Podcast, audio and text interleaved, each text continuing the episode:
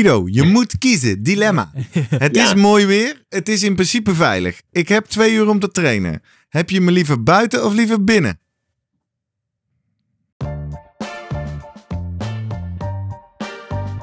Welkom bij de Slimmer Presteren podcast. Jouw wekelijkse kop koffie met wetenschapsjournalist Jurgen van Tevelen en ik, middle-aged man in Lycra, Gerrit Heikoop. Over sport, onderzoek en innovatie. Voor mensen die hun grenzen willen verleggen, maar daarbij de grens tussen onzin en zinvol niet uit het oog willen verliezen. In deze aflevering praat ik met Jurgen over slimmer indoor wielrennen of hardlopen. Waar moet je op letten? Het liefst trek je de natuur in wanneer je gaat trainen. Maar soms is het buiten zo bar en boos dat je binnen wil blijven. Gelukkig zijn er tegenwoordig genoeg alternatieven om thuis te fietsen, te lopen en zelfs te zwemmen. Maar doet zo'n indoor inspanning wel hetzelfde op je lichaam? Kun je binnen net zo goed trainen als buiten? Voordat we beginnen, nog even drie dingen om aan te denken als jij zelf ook slimmer wilt presteren. Nummer 1.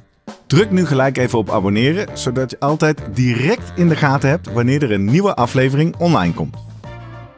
Nummer 2. Weet dat je Jurgen en mij ook kunt boeken voor jouw volgende bijeenkomst als spreker of presentator.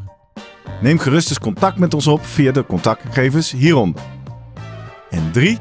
Deze podcast wordt geproduceerd en gesponsord door Live Online Events.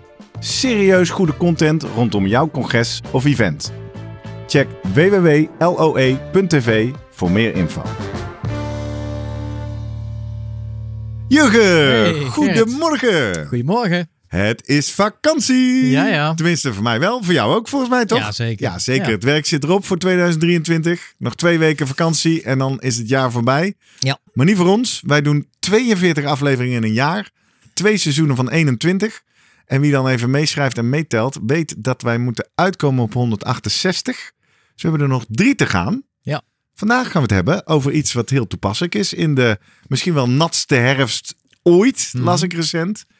Binnensporten. Ja, Oftewel eh binnen fietsen, binnen lopen. er moest er maar eens van komen. Want jij bent, jij bent er zo enthousiast over, eh, Gerrit. Dus ik denk, Ja, eh, ik ben eindelijk om hè. Ja. Ik heb een aantal keren is het hier in de podcast al wel eens over gegaan. En dan vond ik toch altijd Ja. moeilijk. Ik, ja, ik heb dat nog nooit gedaan. Nee, ik weet niet hoe dat is. Wij waren in het begin, hebben we het wel eens een keer benoemd. Van dat het van ons allemaal nog niet hoefde. En Nee. dat een beetje, eh, nou ja, eh, juist eh, de natuur opzoeken, et cetera.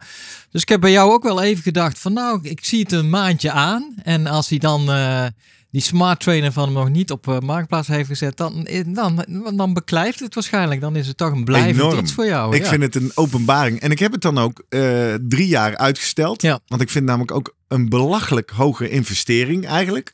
Maar dat ligt er misschien maar net aan wat voor portemonnee je hebt. Maar Mhm. eh, eh, ik, nou, ik vind, vind flink geld. En ik eh, had al vorig jaar of de afgelopen twee jaar een paar keer dat ik dacht... oh ja, het wordt weer donker, het wordt Ja. weer nat. Zal ik zo'n ding eens aanschaffen? En dan zei jou ook, nee joh, denk je nou echt dat jij in de schuur gaat zitten? Dan pak je toch je Ja. mountainbike, ga je het bos in. Dan dacht ik, oh ja, ja, ik ben een buitenmens, hè. Daar wil je zijn. Maar ik stelde toch vast dat afgelopen winter dat er maar weinig van kwam, hoor. Ja. Ik ben langzaam aan het idee gewend dat ik toch misschien een mooi weerfietser ben. Ja, En dat ik toch het irritant vind als je dan al twee uur... Nou, een paar dingen. Ik ga niet zo gauw drie kwartier of een uurtje fietsen. Dat doe je niet zo gauw. en daarna schoonmaken. eh, En dat, hè? het, ja, eh, dat- Dan moet hij weer gepoetst Ja. worden en onderhoud en weet ik veel. Dus dat, nou, dan merkte ik, dan ging ik maar niet. En ik heb natuurlijk de afgelopen jaren ook veel aandacht besteed aan lopen vooral. Nou, dan ga ik maar lopen. Ja, Ja. zonde, want eh fietsen vind ik ook leuk. Dus het is zover. Ik heb eh, in de herfst van 2023 een smart binnentrainer aangeschaft. En eh, ik ben los hoor, in, Ja. in Watopia. Dus jij, dat betekent een smart trainer. Eh, daar, dat heb je een bedragje aan uitgegeven. Plus dan abonnement op Swift. Hoe heb je erbij? Ja, in dit geval even weer eh, netjes zeggen. We zijn in deze aflevering ook weer niet gesponsord. Dus je kan Zwiften en je kan allerlei andere tools. Ik kan er zo even niet drie opnoemen. Maar je kan ook in andere tools eh, trainen. Ik ben inderdaad voor Zwift gegaan. Omdat ik wel, dat voelde ik vorig jaar al wel. Ik dacht wel altijd, en dat blijkt ook zo te zijn. Ik ben wel gevoelig voor die gaming triggers. Ja, ik ja. ga daar goed op. eh, XP-punten, zweetdruppels verzamelen en dan weer nieuwe shirtjes mogen uitkiezen. En, eh, dat, dan, Dus het spelelement, spelelement ja, dat, eh, is een van de dingen dus van, die mij eh, trekt. Ja, ja, die mij helpt om eh, op dat ding te gaan zitten in de schuur. Ehm, maar ik moest inderdaad zo'n apparaat kopen. Een van de dingen die me ook wel hielp. Dat ik dacht, oké, nu doe ik het. Ik was eh, rondom eh, de Uilentorenloop in gesprek met een online retailer eh, in, de, in de duursportwereld. Mhm.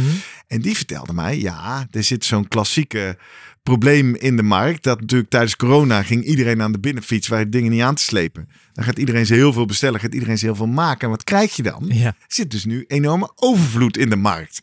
En eh, hij zei, ja, ik heb een retailer gezien, daar hebben ze er zoveel staan. ja, ja. Die, Daar krijg die ik al wel van. Dus Ja, eh, nou, toen ging ik daar eens even zoeken. Ja. En toen kon ik echt, eh, nou, ik geloof wel 30% Ja. korting stonden ze voor. Ja. Ja, echt 100 euro's korting. Denk, nou, dan, dan, dat is dan wel het moment. En eh, zo'n abonnement kun je eh, opzeggen. Hè? Zo, ja, dat kun je maandelijks van de opzeggen. zomer eh, ja, zit ja, van, ja, dus ja. probeer je iedere keer te verleiden om Ja. dan alsjeblieft voor een heel jaar af te sluiten. Ja. Maar dat hoeft niet, dus die kun je weer opzeggen. En ik moest er nog, want ik, ik heb dan wel een, een, een slimme en ik heb een direct drive. Ja. Oftewel betekent dat ik mijn wiel uit mijn fiets haal en mijn ketting op een cassette op de trainer leg. Mhm. Die moet je dan ook kopen, hè? Ja. Maar goed, dat was drie tientjes of zo. Ja, dus je moet toch weer drie tientjes, cassette en, kopen. ja. En wat had ik niet? Ik weet niet of jij dat hebt, maar ik had niet het gereedschap om cassettes te wisselen. Oh ja, dat heb ik nog wel. Ja, eh, nee, had ik ook niet. ja. Dus dat moest ik ook even kopen. Maar goed, dat heb ik dan wel voor de rest van. Maar zo wordt het langzaam wel een bonnetje van eh, in uiteindelijk nog meer dan 500 euro. Vind ik veel geld. Want ik heb ooit een fiets gekocht, tweedehands, voor 1200 euro. En ik realiseer me dat er mensen misschien wel luisteren. Die fietsen van 3,5 of 4000 euro kopen. En die denken, waar heb je het over? Het is, 5000 eh, euro. ja, of dit of een vermogensmeter, denk ik, Gerrit. ja, maar die had ik natuurlijk al twee jaar geleden Ja. gekocht. Dus ja, nou ja, maar zo zie ik het maar een beetje. Hè. Ik, ik sport veel en dan mag er wel eh, één keer per jaar een wat grotere investering.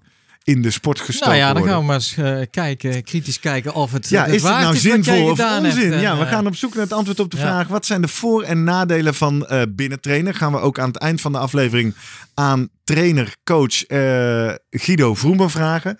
Eh, hoe verhoudt zich een inspanning op de fiets wanneer je die binnen of buiten doet? Is dat eigenlijk anders? Hoe smart is dan een smart fietstrainer? Hoe belangrijk is het om rijwind te hebben tijdens het indoor fietsen? Loop je op een loopband? Want dan kijken we, we hebben het niet alleen over Nee. taxen of hoe dat ding. Dat is ook grappig, hè? ja, Taxen ja, is eigenlijk net zoals ja. natuurlijk eh Xeroxen in het Engels. Ja. Is natuurlijk een merk, maar zo heet dan ook het binnenfietsen. Ehm, is het eh, lopen op een loopband hetzelfde als buitenlopen? En wat doet de ERG-modus met je pacinggedrag? En deze vragen die komen mede naar aanleiding van mijn eigen ervaring nu dat we het er eindelijk eens over kunnen hebben, omdat ik ook uit eigen anekdotes kan putten. Maar we hebben ook post gekregen. Luisteraarsvragen via post.slimmerpodcast.nl. Toen ik dit weer zag en jij hebt dit keurig voorbereid, Jurgen, en je hebt die mails ook geplacht, dacht ik, oh ja, ik moet onze luisteraars ook even vertellen. Ehm, de Instagram-kanaal, @slimmerpodcast, die beheer ik, maar de mail beheren wij samen. En het inzicht wat ik hierop deed is, nou, ik zie ook wel vragen op Instagram binnenkomen en dan denk ik wel, oh ja, die moet ik even in ons Ja, ja. vragendocument zetten. Ja. Maar dat doe ik niet altijd meteen. Dus als je nou meer kans wil hebben dat je vraag in een aflevering terugkomt, dan moet je even mailen naar post.slimmerpodcast.nl. Want dan zie ik het, maar dan zie jij het, Ja, zie jij het ook, Jurgen. En eh, ik vind het leuk om af en toe te antwoorden. Ja, daar nog, ik vind dat ook leuk. Maar ja, het, eh, het verwatert bij mij vaak. Twee mails die we aan de, aan de bron van deze aflevering hebben. De eerste van Tony en Erik Peter. Hele leuke mail. Maar de essentie ging over de vraag. Nu de dagen korter en natter worden en de winter voor de deur staat, kregen we in de herfst van 2023 binnen. Ik denk oktober ergens. Mhm.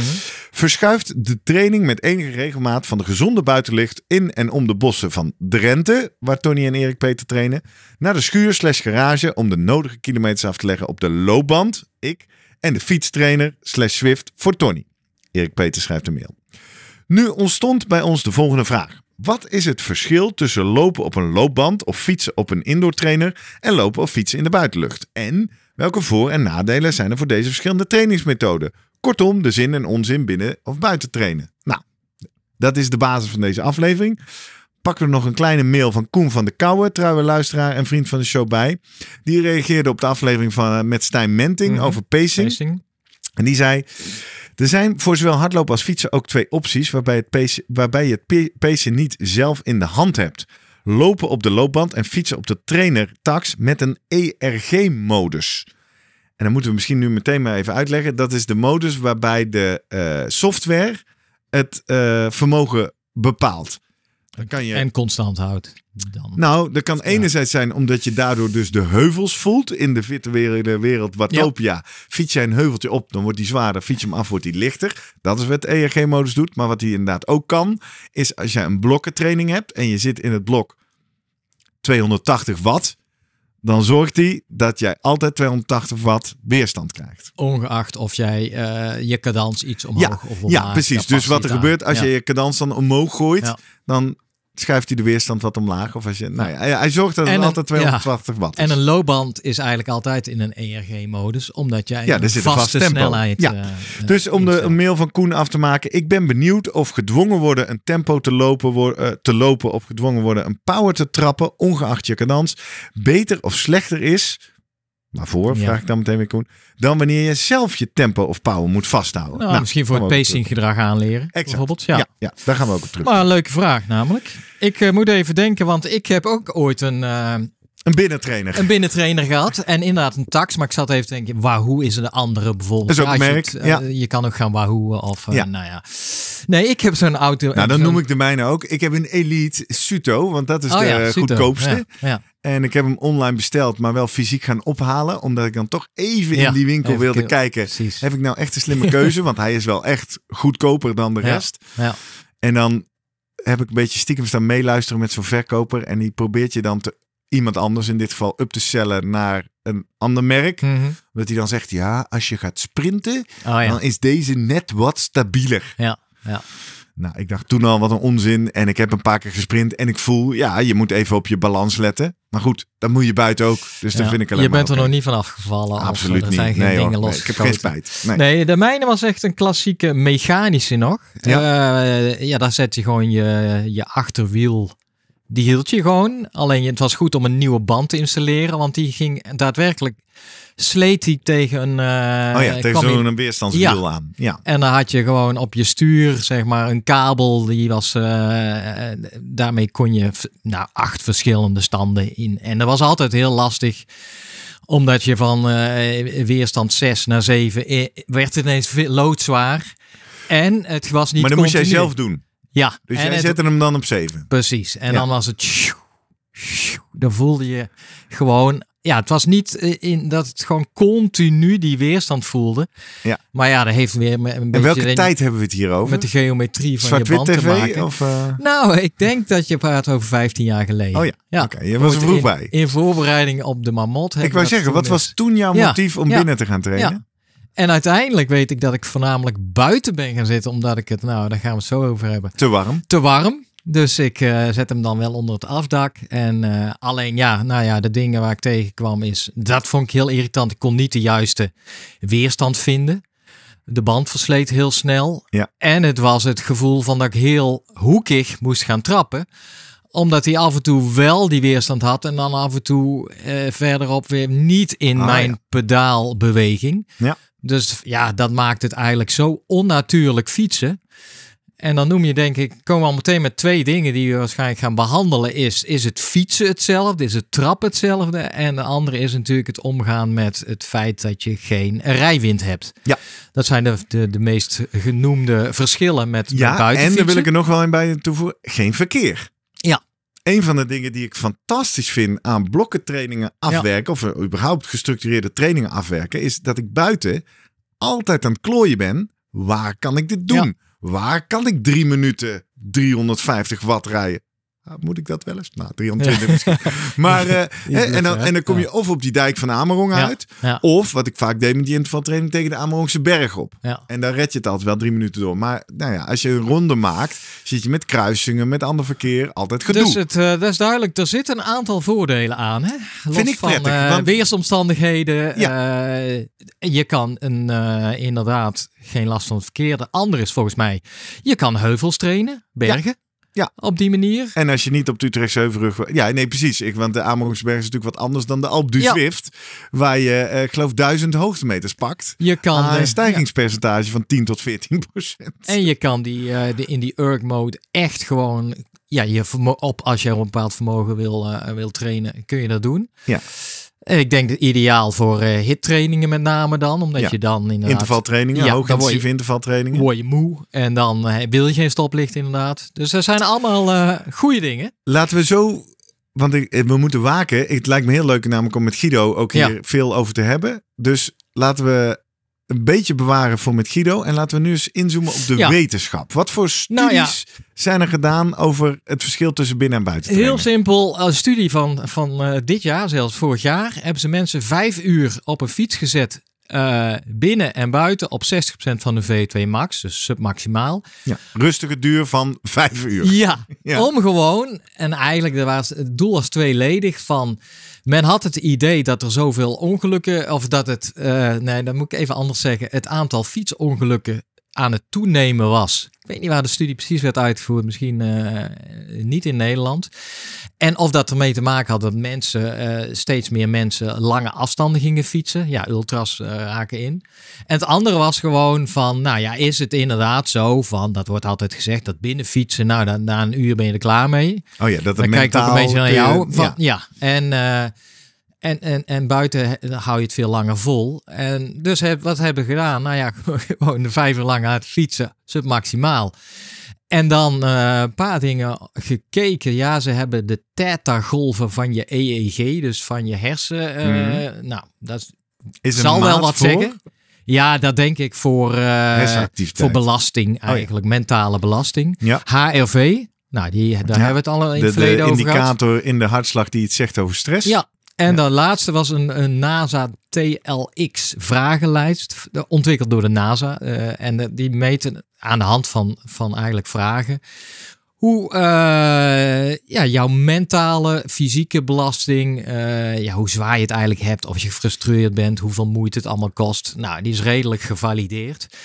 Een En, eh, fijnmazerige meting dan puur de RPE, de beleefde mate Ja, van inspanning op ja, een schaal precies. van 1 tot 10. Ja. Ja, maar dan misschien iets meer erbij van. Heb je, ja goed, eh, vond je het leuk nog om te trappen? Wilde je stoppen? Nou ja, allerlei vragen erbij. En inderdaad, het bleek gewoon dat eh, het indoor fietsen als eh, eh, eh, ja, mentaal met name belastender werd gezien. En dan Bij dezelfde inspanning op en, zich. ja, ja. binnen vijf uur rustige Ja, duur. ja. En dat is natuurlijk wel even de belangrijke vraag, want ik, ik herken dit ook meteen. Want uiteindelijk is het natuurlijk best wel saai in je schuur op zo'n ding zetten. Ondanks dat je... Behalve dus door het spelletje. Ja, ja. Dus de vraag natuurlijk voor deze studie is even, moesten deze mensen inderdaad alleen maar vijf uur fietsen op een Ja, ze hadden wel een, parcoursje op een video eh, klaargezet. Maar het Ja. was niet een wedstrijdje zoals jij die ja, doet. heb ik Bijvoorbeeld. ook onlangs Dus geen- gedaan. Ja, of een groepstraining. Of, maar ook gewoon het, het freeriden heet dat dan in Zwift. Gewoon een rondje rijden en dan mensen tegenkomen en bij mensen uit de wind gaan zitten. Ik bedoel, Ja, je, maar bent met van alles Nee. bezig. En dat heb je daar natuurlijk niet. Nee, dus is Nee. de basis. Ik denk dat ze wel, want dat wordt altijd gezegd, zet een schermpje voor je neer eh, met eh, eh, of Ja, ga een muziek serie of kijken noem of maar een. Ja. podcast luisteren. Ja. Ja, maar nou ja, goed. Dus, en dit kan niet alleen maar dus fysiologisch verklaard worden, want in principe werd dat gewoon vastgezet op die 60% van die Ik weet trouwens, ik VO2 moet even zwaaien naar de kamer. Ik weet dat ook mensen ook op de tax onze podcast op YouTube kijken. Hè? Leuk, ja. Maar goed. Eh, want dat is wat, wat, wat vaak gezegd wordt. Ja, maar het, nou ja, het fietsen is ook anders, omdat je eigenlijk continu aan het trappen bent binnen. En terwijl je. Ja, je hebt weinig je benen stil. Ja, en dat is natuurlijk in, eh, als je buiten bezig bent. En dat zijn Behalve even, even nerd, hè? Jurgen, want zo ben ik. ik, vind dus, ik vind dit dan heel leuk, want dit is nieuw en ik hou van nieuwe dingen. Dus ik duik er dan ook helemaal in. Dus Ja. ik, ik spendeer ook aardig wat tijd, een aantal keer per week, op de website zwiftinsider.com. Oké, ja. Want daar staan allerlei tips en uitleg. En daar heb ik ook geleerd over de supertuk. Hè, de, de, de verboden eh, houding op de wielrenfiets Ja. in het peloton. Namelijk Ja. dat je op je buis gaat liggen Precies. en over je stuur. Ja. En nou is het dus zo, moet ik, hopelijk zeg ik het goed. Je moet aan twee of drie voorwaarden voldoen. Namelijk de helling moet geloof ik minimaal 8 of 9 procent naar beneden zijn. En je moet een snelheid van minimaal 60 km per uur hebben. Als je die twee voorwaarden voldoet en je houdt dan je benen stil, Dan gaat je avatar in de supertuk liggen. Oh ja. En dan kun je dus nog weer verder versnellen. Totdat een van die twee voorwaarden ophoudt. Dus dat je of langzamer gaat of dat de helling afneemt. En dan gaat hij weer zitten. En heb je hem al geprobeerd? Ja, ik heb dat Ja. natuurlijk even geprobeerd. Werkt dat ja. echt zo? En het werkt zo. En dan ook weer, ook van deze website geleerd. Weet je, ook niet automatisch. Maar je kan dus blijkbaar, standaard zit je een soort van schuin achter je mannetje. Maar je kan met de toetsen van 1 tot en met 0, hè, de cijfertoetsen, kan je de cameraposities wisselen. Ja, ja. En als je dan dus ook even, een, ik geloof vier of vijf pakt, dat je aan de zijkant van je rider zit, dan, dan zie je hem dus ook echt zo in Oh, de supertuk Ja, op ja. het stuur liggen. Ja, ja ik, eh, je bent wel heel enthousiast. Ja, ik vind eh, dat geworden, leuk. Ja. Dat is gewoon nerd eh, game dingetjes. Maar, goed, Maar ja. meteen mijn volgende vraag. Haal jij dezelfde vermogens? Jij hebt natuurlijk een vermogensprofiel is ooit opgesteld. En je FTP heb je laten bepalen bij, Ja. bij Guido in het lab. En, Ja. eh, hoe zit het daarmee? Haal je dat eh, binnen ook of niet? Ik heb het idee van wel. Ah, Maar dan moeten we zo nog maar Ja, Guido want- vragen. als ik een beetje eh, eh, eh, Google, internet wordt vaak gezegd. Nou, ga maar uit dat je 20 eh watt l- ja, lager haalt. Gemiddeld genomen. Ja. En dan wordt er verwezen altijd naar een studie. ja. Nou, en die Mooi. studie heb Het ik is niet gewoon een internetwijsheid, het is een studie. Want dan denk ik, hoe zat dat dan? Ja, in 2014 hebben ze. Eigenlijk zijn er toch niet heel veel studies gedaan. Nou, eh, in 2014 is, degene waar meestal naar verwezen wordt. En die was wel heel mooi uitgevoerd, vond ik zelf. 40 kilometer tijdrit. Wel submaximaal, hebben ze gezegd. Van, eh, we gaan uit van een RPE voor rond de 13, 14.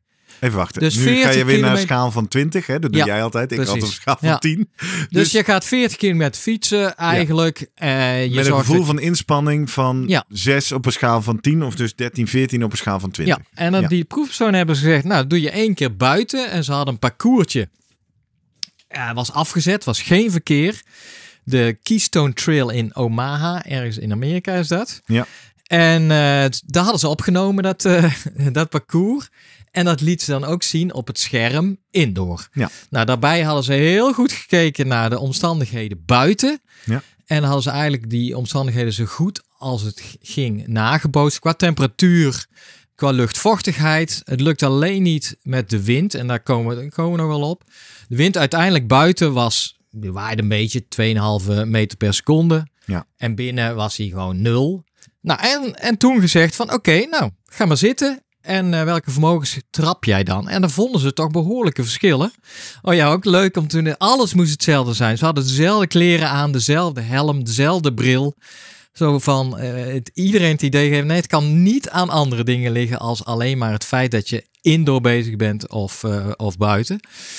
En het scheelde uiteindelijk 30%, maar met een enorme variatie. 11 tot 70%. Dus sommige gingen Maar altijd minder. altijd minder. Dus ze Ja. trapten altijd binnen minder vermogen dan Precies. buiten. Het ging om 208 tegenover 163 eh, watt. Zo. En Dus ja, wordt het verklaard? Want ik heb meteen ideeën. Ja, nou ja, eh, eh, je zag het ook in de hartslag. Dus mensen eh, gingen minder, nou ja, op afgaande van de hartslag, Maar dit zou me niet minder Maar belasting. mijn eerste idee zou zijn, wacht even. En je hint al drie keer, we gaan het er zo over hebben. Nou, laat Ja. maar over hebben. Ehm, buiten heb je rijwind. Ja. Wat je natuurlijk afkoelt. Binnen. Nou jongen, ik heb nog nooit zo hard gezweet als in Ja. het schuurtje. Ik had de laatste keer gewoon de hele schuur vol mist staan. Toen buiten rond de nul was. Je, je, je kerntemperatuur zal daarmee... Tenminste, volgens mij loopt de temperatuur veel harder op. ja, je hebt je, dat is, de, thermische belasting wordt Ja. dan gezegd. Daar hebben ze naar, op zich, maar dat wil, eh, ja, wij denken altijd die kerntemperatuur, als die oploopt, dan ga je in prestatie achteruit. Daar hebben we met, met, met Ja. Puk Alkemade Ja. bijvoorbeeld over Ja. gehad. En, eh, maar het blijkt al eerder eh, dat het ook te maken heeft van, ondanks de kerntemperatuur, die mag hetzelfde blijven nog steeds.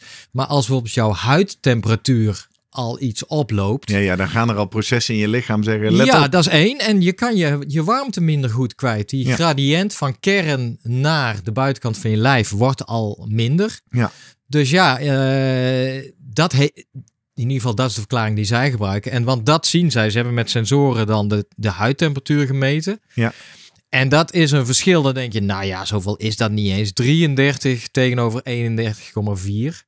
Maar dat kan net dat verschil geven van waardoor die warmte van, vanuit de kern naar de buitenkant en dan eh, de afgifte vervolgens. Ja, dus dat dat, is een effect. is. Als je Ja. binnen traint, heb je het sneller, warmer wat je prestatie kan Ja. belemmeren. Ja, en eh, maar het grappige er wordt altijd gezegd, ja, nou je moet ook goed drinken of er valt niet tegenop te drinken. Ja, zij, de studies die zij ook, eh, zij maten precies van de mensen hoeveel ze innamen, hoeveel ze dronken en ook eh, hoeveel ze zweten, zeg maar, Mhm. aan de hand van na afloop even op de weegschaal gaan staan. Daar zie je dan geen verschil. Dus het is echt gewoon dat, ja, die thermische belasting, het gevoel ook van ik krijg het warm en of dat en daarbij nou, een, een, een huidtemperatuur die in ieder geval eh, iets oploopt, waardoor je minder goed je warmte kwijt kan. nou, de, re- Ja. de reden dat ik zo twijfel als je mij vraagt, haal je je vermogens los van de waarde en de getalletjes. Ik heb namelijk ook een keer, of al een paar keer, een rustige duur Ja.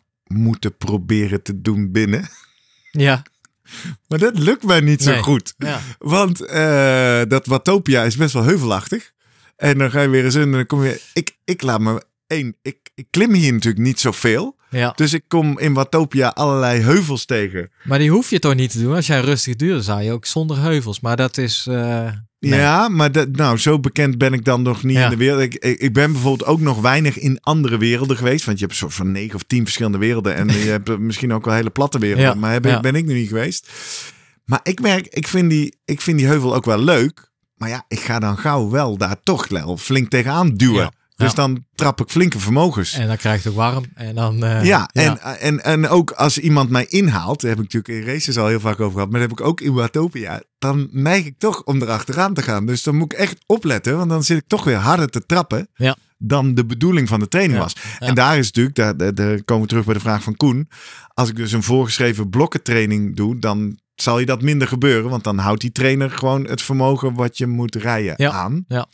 Eh, maar vandaar dat ik zeg, nou, ik vind dat ik flink trap Ja, die, op die binnentrainer. ja, dus dat Maar dat is. komt dus meer omdat ik buiten op de weg Ja, het moeilijk vind om zo hard door te trappen. nou ja, precies. en dat komt misschien Ja. wel door de wind. Ja. Maar dan juist door de windweerstand. Ik merk dat ik buiten snel voor mijn perceptie rustige duur. Nou, als ik een kilometer of 26, 27 rij, dan vind ik Dat het al vind je snel rustige duur. Terwijl als Ja. ik dan naar mijn waardes kijk, ja, ja, dan rij ik maar 150 watt of zo. Terwijl Guido zegt, nee, rustige duur is voor jou is 200 watt. ja, ja. En dan moet ik voor mijn gevoel buiten meer mijn best me- voor doen dan binnen. Oké. Ja, Maar dat komt denk ik door de hoogteverschillen of zo. dat zou, dat, dat, dat, ja, waarschijnlijk. Maar het is Ja. wel een eh, goed punt, denk ik.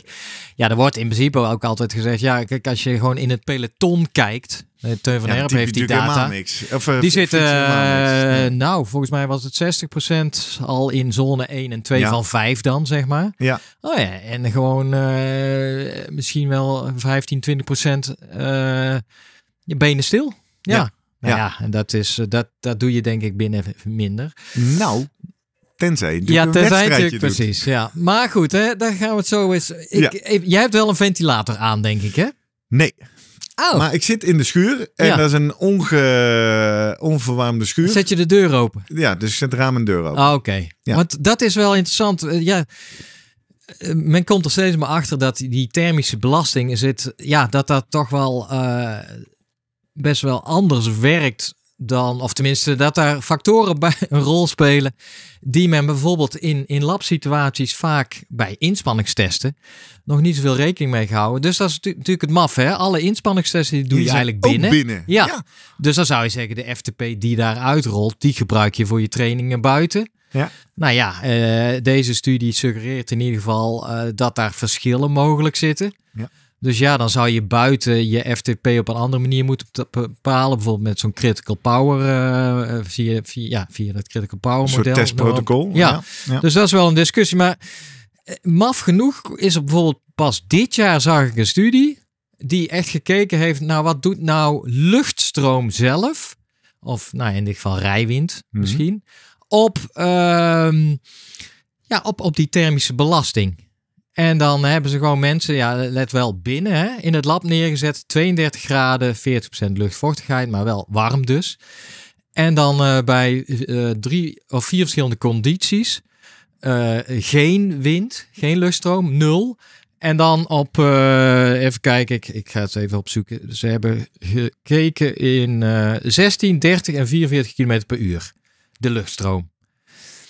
En dan, Nou ja, de- eh, die, die, dit zijn kilometer per uur windstromen. Dus Ja. 0, 16, 30. en Vergelijkbaar, 44. ja. Dus eigenlijk als jij... Vergelijkbaar met tempo's die je zou kunnen fietsen. Als het windstil is en jij eh, fietst dat tempo. ja. En dan hebben ze eh, een tijdritje binnen gedaan. Volgens mij was het 20 minuten, zoiets. En dan za nou ja, gewoon eigenlijk kijken van, oké, welk vermogen trap je? En dan zagen ze eigenlijk dat ongeacht eh, dat alleen als, die, als er geen luchtstroom was, het vermogen echt lager was. Oh ja. Maar vanaf 16 Ja. en 30 en, en 44, dat dat niks uitmaakte. En dus ge- geven zij aan, ja, als je binnen maar een beetje luchtstroom hebt, eigenlijk, dan heb dat geeft al genoeg, in ieder geval, ehm, de, de, de capaciteit om je warmte kwijt te raken. Want dat zagen ze precies terug daar. Van nogmaals, ze zagen geen, eh, geen verschil eigenlijk in die, die zweetafgifte. Hmm. Puur op het, eh, eh, de vocht binnen, min dan het, het vochtverlies aan de hand van het gewichtsverlies. Ja.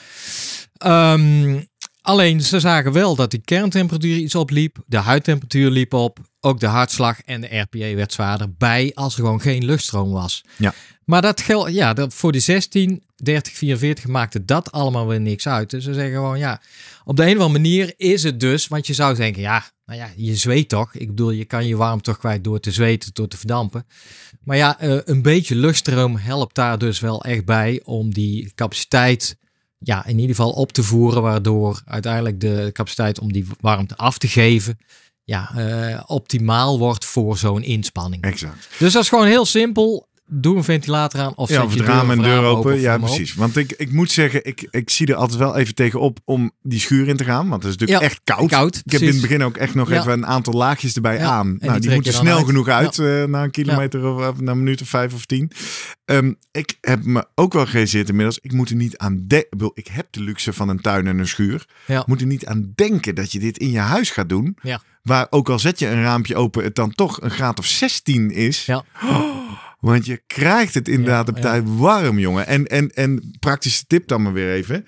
Weet natuurlijk iedereen die dit al jaren doet. Maar inderdaad, grote handdoek over je fiets. Want het schijnt dat dat druipende zweet schijnt echt funest te zijn voor, je, materiaal. Ja, ja. Ehm, en ik heb dus een grote handdoek over de fiets liggen. En een handdoek, tweede handdoek erbij. Om gewoon de hele tijd je kop af te deppen, jongen. Want Ja, ja. het druipt gewoon Ja, je ogen ja, in. Ja. Maar ja, eh, dan komen we op de hoofdvraag van de aflevering. Moeten we misschien met Guido zo over hebben. Voor- en nadelen van binnentrainen. Oké, binnentrainen is thermisch belastender. Ja. Maar hey, misschien is dat wel heel goed. Ja, dat is de zou training kunnen. Maar ja, daardoor Eigenlijk die- beter? Die, discussie in, de, in de- die stukken zijn wel, hey, maar als je dan je vermogens dus niet haalt of dat die anders zijn, ja, kun je dan, is jouw trainingsprikkel wel hetzelfde? En dit is volgens mij ook eh, een vraag die we continu, eh, volgens mij van Jacco wel regelmatig krijgen.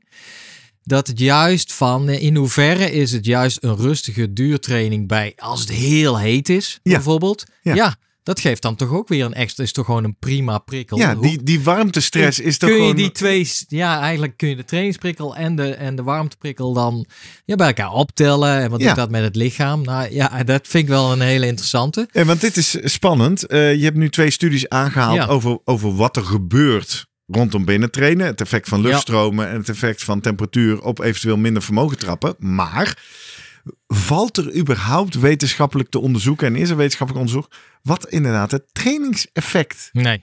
Nee toch? Dat is Nee. bijna niet te doen. Er is, ze hebben niet eh, studies gedaan waarbij ze bijvoorbeeld een groep mensen eh, acht weken lang binnen laten Ja, trainen. en op- buiten, en buiten. programma. En dan eens gekeken. Ja, dat zou wel interessant zijn natuurlijk. Ja, theoretisch zou natuurlijk geen bal uit moeten maken. N- nou, Trainen is trainen. Nou, maar ja, je fietst echt anders. Los van het feit of je wel of niet opwarmt. Ja. En dat is wel een studie die ik toch nog even erbij wil halen. In Maastricht gedaan eh, vorig jaar. Onder andere ehm eh, Matthijs Hesseling deed mee. Ah, hebben we Eh, eerder hier in de ja, podcast te gast Toen ging het over mitochondria toen we hem spraken. Maar hij vindt het natuurlijk leuk om een beetje wielerstudies te doen. En zij eh, hebben echt met eh ja, aantal 14 wielrenners continentaal niveau en world tour. Eh dan moet ik altijd denken, want het was met Dario Sanders, zat hij nou bij Ineos. Die zat bij, ja, die zit bij een van die grote ploegen. Dus Mhm. ze hebben die renners ook getest. En dan hebben ze eigenlijk gekeken naar het vermogensprofiel eh, door op twee verschillende dagen buiten en twee verschillende dagen binnen eh, gekeken naar de maximale vermogens bij 1 minuut en 5 minuten was de ene dag. En de andere was bij 3 en 14 minuten. Oké. Dus 3 minuten vol, vol trappen, 14 minuten vol trappen. Nou, dan kun je dat profiel eh, eh, Tekenen. tekenen. Ja. Komt een kritisch vermogen uit uiteindelijk. Nou, daar hebben ze heel netjes gedaan. Ehm, ze hebben buiten namelijk ook gekozen. Ja, dan ga je denken, hoe maakt dat weer misschien een verschil voor een heuvel op van 2 à 3 procent? Ook wel af, afgezet, maar met het, Het is idee wel lekker dat om veel vermogen te dan lukt het om Ja. je maximale vermogens te halen. Nou, en wat zij echt vonden is, eh, nou ja, ze hebben gezegd de temperatuur buiten was hetzelfde als binnen. Eh, nogmaals, eh, er is niet meer vochtverlies. Ja, daar wordt dan niet vermeld of een grote ventilator ja of nee staat en of er. eh, Wat wij dus geleerd hebben de andere ja. studie is belangrijk. en dus dat, is, dat mis je gewoon in heel veel studies. Dat zetten ze er dan niet bij. Of, eh, en zij hebben bijvoorbeeld niet die huidtemperatuur, kerntemperatuur gemeten. Maar zij vonden ook dus bij die pros eigenlijk dat het getrapte vermogen daarmee nog steeds buiten hoger lag dan binnen. Eh scheelde ongeveer nou, van 4 tot 9 procent, afhankelijk een beetje van de duur. Grote individuele verschillen. En wat ze zagen is dan bijvoorbeeld bij de 1 en de 5 minuten eh, maximale vermogens dat het, de cadans iets hoger was. Binnen. Ja. Ja, dat herken ik meteen. Zes, ik, ga binnen zes, ook, ik zit eh, binnen op een veel hogere Ja. cadans dan buiten.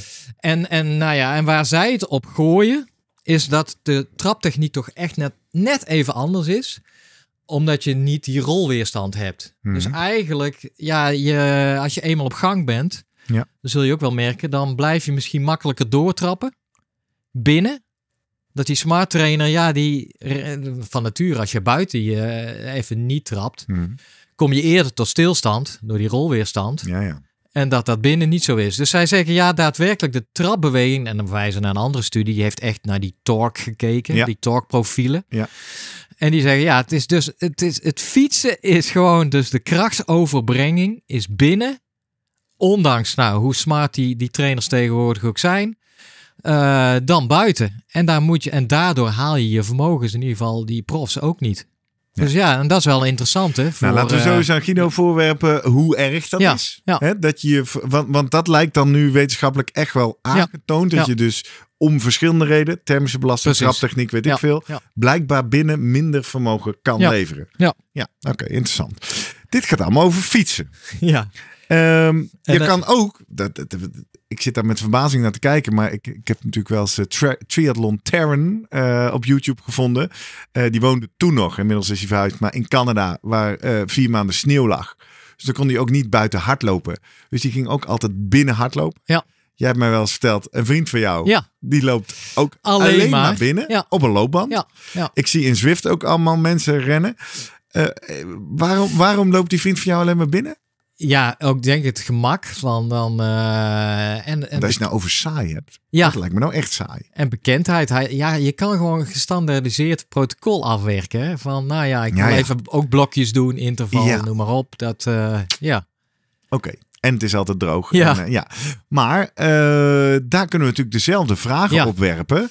Wat is het verschil tussen binnen- en buitentraining? Wat heeft de wetenschap? Ja. Waar heeft de wetenschap Nou, gekeken? heeft, nou, in tegenstelling eigenlijk, ja, er is heel veel studies gedaan aan eh, de loopband, het lopen op de loopband. Is Mhm. dat nou anders? Is dat nou fysiologisch anders? En is dat biomechanisch anders? Ga je anders lopen op een loopband? Ja, natuurlijk. Je, je, eh, in, in dit geval heb je gewoon een band die onder je beweegt natuurlijk. Ja.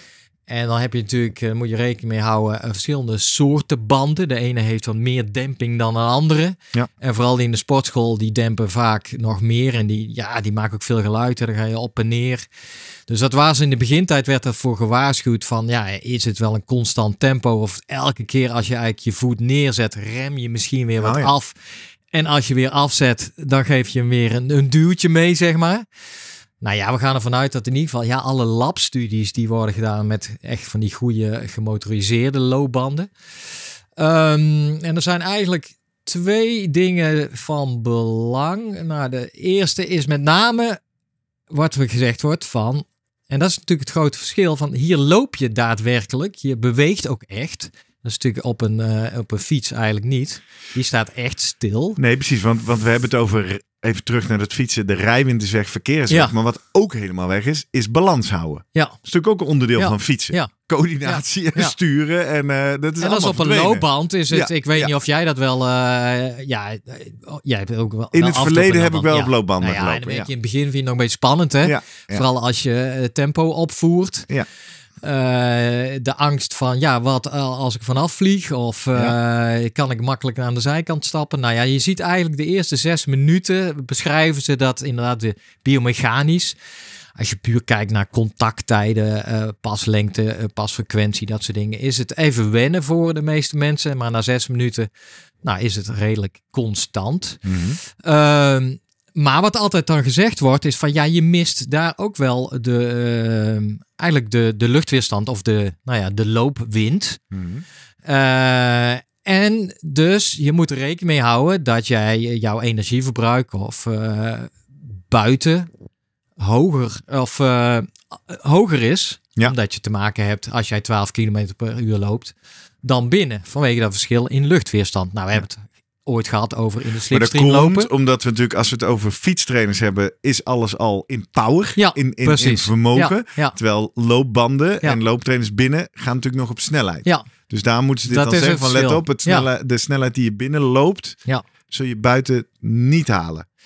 Je loopt binnen Ja. harder in feite. Ja. ja. Nou ja, en dat, dat, dat is toch wel, wordt een beetje ontkracht door een eh literatuurstudie van review van, van Bas van Horen. Die hebben we natuurlijk ook gast eh, gehad. ja. Die heeft echt veel, eh, veel, alle studies op een rij gezet. En gewoon eens gekeken. Nou, eh, en daar wordt gekeken naar zuurstofverbruik. Eh, dat is eigenlijk de standaard. Maar ook naar hartslag, eh, RPE en lactaatspiegels. Mhm. En dan eh, vergeleken binnen een bepaald tempo. Van, nou pak een beetje 10 tot uiteindelijk 16, 18 km per uur. Submaximaal tot max. Ehm, en dan ook eh, buiten vaak hetzelfde protocol. Maar dan, nou ja, dan ga je daadwerkelijk lopen. Vaak atletiekbaan. Ja. Af en toe gebeurt dat ook nog weer in een labsetting met gewoon een baantje waar je op kan, kan rennen. Dus dat is natuurlijk wel even nog dat mensen zeggen, hé, hey, maar indoor lopen fietsen. Ja, eh, we hebben het dus vandaag niet over wielerpistes. Ah, ja, Of ja, atletiekbanen binnen. Of dat mensen zeggen, ja, maar ik zet mijn, eh, mijn tax of mijn Wahoo zet ik buiten neer. Dus dan ben ik toch buiten aan het fietsen. Nee, dat is, ja, Heb ik laatst ook even gedaan. nuance. In de Auvergne. Ja, Op het balkon had ik me helemaal op verheugd. Heb ik geleerd van Remco Renes. Die zit Ja. ook altijd op zijn veranda. Wat jij ook zegt, onder het afdakje. Dus eh, we hebben daar een mooi balkon met een afdakje en een prachtig uitzicht. Ja. Dus ik had me al helemaal verheugd dat ik hem erop zou zetten. ik kreeg natuurlijk op straat allemaal...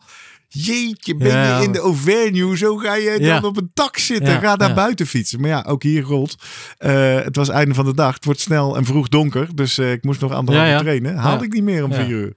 maar in ieder geval, eh, alles op een rij zettende nuanceert hij een beetje van ja, dat effect van die luchtweerstand. Omdat je toch, nou ja, in de meeste studies laten zien dat het de zuurstofconsumptie eigenlijk Mhm. Bij een bepaalde snelheid, dan kom je ook weer richting die loopeconomie, et cetera, dat dat niet zoveel uitmaakt. Eh, terwijl eigenlijk als je weer op internet speurt, en volgens mij doet Guido het- het ook standaard, dan wordt altijd die, eh, de loopband op een 1% gradient gezet omhoog, Ja, om eigenlijk te compenseren. Ja. dat je wat weerstand hebt van Nou, wind. wat Bas een beetje laat zien is, ja, dat wordt pas echt relevant vanaf 16 km uur, per uur zo'n beetje. Nou, dan, dan heb je buiten ook wel wat, eh, wat wind. Opvallend is wel van, ehm, ja, ze vinden altijd nog maar vaak, en dat past misschien deelsbaar in het verhaal, lagere lactaatspiegels op een loopband. Lager. Ja, Eh, alsof dan mensen toch, ja, dus eh, ja, eh, en hij kan het niet helemaal rijmen met een lagere zuurstofconsumptie.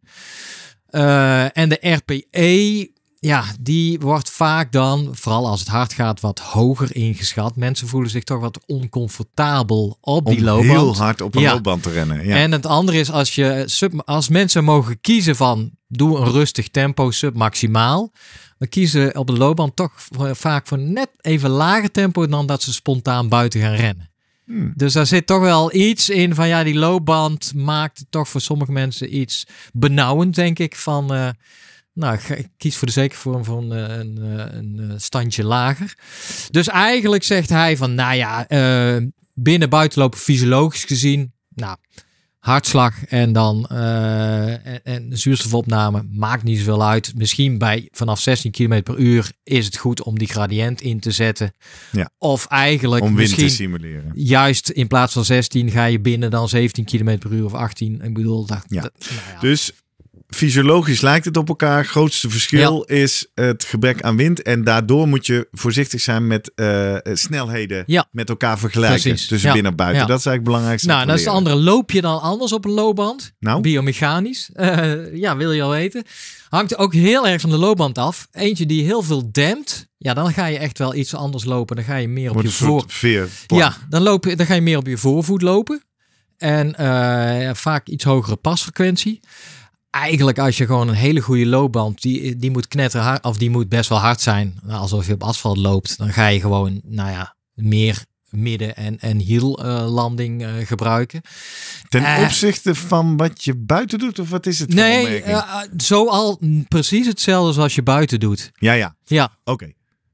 dus hij Dus zegt, jij zegt in de eigenlijk... eerste opmerking, als een verende loopband is, ben ik misschien buiten een hielander. En dan ga ik binnen Ja, meer op mijn voorvoet. precies. Maar ik ben Ja. buiten ook een voorvoetlander. Dus dat blijf ik dan doen. ja, precies. En ook op die harde plank blijf ik ook voorvoetlander. En ze hebben wel eens gekeken, er zitten kleine verschillen in eh, hoeken tussen eh, voet en, en, en scheenbeen. eh, eh, tussen bij, bij knie en ook de verticale eh, beweging van je heupen. Ja, Maar ja, eh, Bas die geeft aan, dit is redelijk triviaal. Eh, Precies. ik zou En- bijna willen zeggen, Jurgen, boeien. ja, eigenlijk, wat, wat ik echt boeien. wil weten is, hebben binnenlopers meer blessures? Ja, nee, Is daar ja. onderzoek naar gedaan? Daar is geen onderzoek naar gedaan. Wat Bas eigenlijk wel aangeeft is, stel dat jij eh, blessures hebt aan je, aan je eh, scheenbeen, Ja. dan is het de moeite waard om binnen te gaan lopen op een zachte loopband. Aha. Omdat je dan juist meer op je voorvoet gaat lopen. Dat geeft meer belasting voor je kuit. Ja. Maar meer eh, ontlasting voor de voorkant van, eh, van- voor je schenen. En dat is dus, maar als jij dus een kuitblessure juist hebt, dan, moet je het juist weer niet gaan doen. Dus daar komt het een beetje. heel specifiek.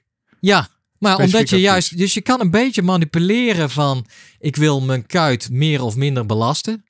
Nou ja, of je meer belasten is juist, zoek een, eh, een, een zachte eh, loopband op. Ja. Dat je die heel erg dempt, dan ga je automatisch op je voorvoet lopen. Dus in die zin, vanuit het motorisch leren gebeuren, kan je zeggen, nou ja, ik wil wel eens weten hoe het is om meer op mijn voor. Ik ben meer een hierlander bijvoorbeeld. Ja. En eh, hoe het, als ik wil oefenen meer eh, en ik heb wat last van mijn schenen, nou ja, dan, eh, dan, Dan moet jij goed. op een hele Ja. zachte, springy Ja. loopband gaan lopen. En dan is de volgende vraag weer, waar vind je die? Hoe weet je of die springy of hard is? precies. Of Dan, weet ik veel. Ja, Heel veel praktische problemen. ja. Oké. Dat is wetenschap. Missen we nog een belangrijke Ja, studie over binnen buiten? stukje, denk Oh ja, ja, ja, Ja. van Koen. De vraag Ja. van Koen. Wat nou als je dus door middel van een apparaat, het zij een loopband die constant staat, of het zij een fiets met ERG-modus die regelt dat je altijd hetzelfde mogelijk fietst. Wat is het effect op je pacing gedrag? Ja. Nou, even één stapje terug, want het is ook als je hem niet op de ERG-modus zit, is het pacinggedrag anders binnen dan buiten. Oh, wat voor verschillen zien ze? Eh, eh, studie gedaan en dan zeg je ja, eh, logisch, want buiten heb je stoplichten en bla bla bla. Nou ja, nee, eh, neem aan dat we daarvoor... nee, hiervoor is gecorrigeerd. Ja. Zij hebben een 20 minuten fietsrit gedaan, volgens mij wel een Engelse studie. Ehm een buiten hebben ze een parcours van anderhalve kilometer, geen verkeer, autovrij en met best wel en ruime bochten. Mhm. Dus eigenlijk kan je in één stuk doortrappen. En mensen Ja. waren bekend met parcours. Nou, binnen hebben ze, eh, nou ja, gewoon, gewoon ehm, niet hetzelfde parcours laten zien in ieder geval, maar gewoon gefietst ook eh, die 20 minuten eh, fietstest. Ja. En wat ze zagen is het gemiddelde vermogen wat getrapt werd, was precies hetzelfde. Mhm. Alleen buiten zaten toch veel meer variaties. En zij ja, verklaren dat dan. Hij heeft dan toch te maken van, ook al werd er, die bochten waren best wel ruim, hielden mensen toch een beetje in. Mensen waren van nature een beetje aan het rondkijken. Toch bang van, ook al wisten ze, er komen echt geen auto's aan. Je bent toch aan het opletten. Ja, je bent toch, je ziet iets eh, om je heen. Ik weet niet precies welke, hoe de omgeving eruit zag. Ja. Nou ja, en dat neem je dan automatisch mee als jij buiten gaat fietsen. Ook als er geen verkeer is of, of zo. Dus nou ja, je, je ziet van alles. En dat eh, koppel je terug waarschijnlijk aan, eh, ja, aan je benen die je af en toe En stilhoudt. in deze studie, en af en die toe mensen optrekt. die binnen aan het fietsen waren, Ja. die mochten daar zelf ook het pace bepalen. Ja, het was niet wat groep zegt, dat, dat Ja. het pace werd opgelegd. Nee, het is dezelfde groep mensen. Oh ja. Hebben ze binnen en dan mooi eh, natuurlijk de ene keer buiten binnen. En, Ja, ja, ja, helder. Nou, en, de- en daarmee aangevende dus dat van nature buiten, ja, je ja, geeft gewoon alle prikkels, visuele prikkels, eh, auditieve, dus het gehoor wat je hoort. Er gebeurt van alles en dat neem je uiteindelijk mee in jouw pacing gedrag. En dat hebben we volgens mij hier eerder in de podcast gehoord. Vlak pacen is niet Nee. metronoom vlak. Daar zitten microvariaties voortdurend Precies. in. En dat schijnt ook goed Ja. te zijn, toch? Ja. En dan kom je precies, microvariaties zijn goed of die worden soms als nuttig gezien. Soms is het fijn om even niet die 14,0 km per uur, maar 13,9 of 13,8. Ja, omdat jouw lichaam nou even dat aangeeft van vind ik heerlijk om daarna weer iets harder te gaan. Ja. Nou, en dan kom je op die eh, ERG-modus. Nou, ik heb die, die, die eh, vraag van eh, Koen heb ik doorgespeeld naar Stijn. Stijn Menting, Ja, onze pacing eh en die, die wist natuurlijk, eh, want die kent de studies ook. Eh, nou, wat hij heeft geantwoord is, eh, heeft dat dan invloed op het pacinggedrag? Het feit dat je nou een constant vermogen bijvoorbeeld trapt. Mhm. Wat we uit de literatuur zien, is dat sporten op een vastgezet tempo zwaarder lijkt te zijn dan wanneer sporters het tempo zelf mogen bepalen. Aha. En ehm, nou, een leuke studie gedaan waarin roeiers 5000 meter moesten afleggen op hun gevoel of op een vergelijkbaar vastgezet tempo. En na het roeien op een vastgezet tempo waren de kerntemperatuur en het lactaatniveau hoger dan tijdens het roeien op gevoel. Nou, dan zie je dat dan weer ineens terug. Ja, het kostte meer, eh, meer moeite, meer inspanning, hogere kerntemperatuur. Dit wijst erop dat het fysiologisch zwaarder is om te sporten op een vastgezet tempo. Nou ja, en dit is wat, wat jij net noemt. Dit komt waarschijnlijk omdat sporters het fijn vinden om kleine aanpassingen in tempo te maken tijdens hun inspanning. Mi- Micro-pacing. We zijn immers geen robots. Nou, dus eigenlijk is dat het, eh, het, het antwoord. Ja, heb jij daar, ja, je hebt de erg-modus ook al De? ERG-modus heb ik ervaren. Ja, Eh, grappig. Het is, ehm, hij, hij, is, hij reageert wat vertraagd. Mhm. Dus eh, wat er inderdaad op een gegeven moment...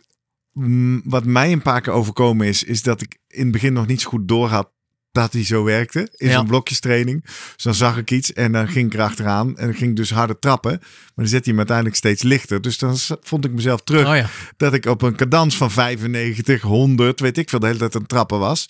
En dacht ik, oh ja.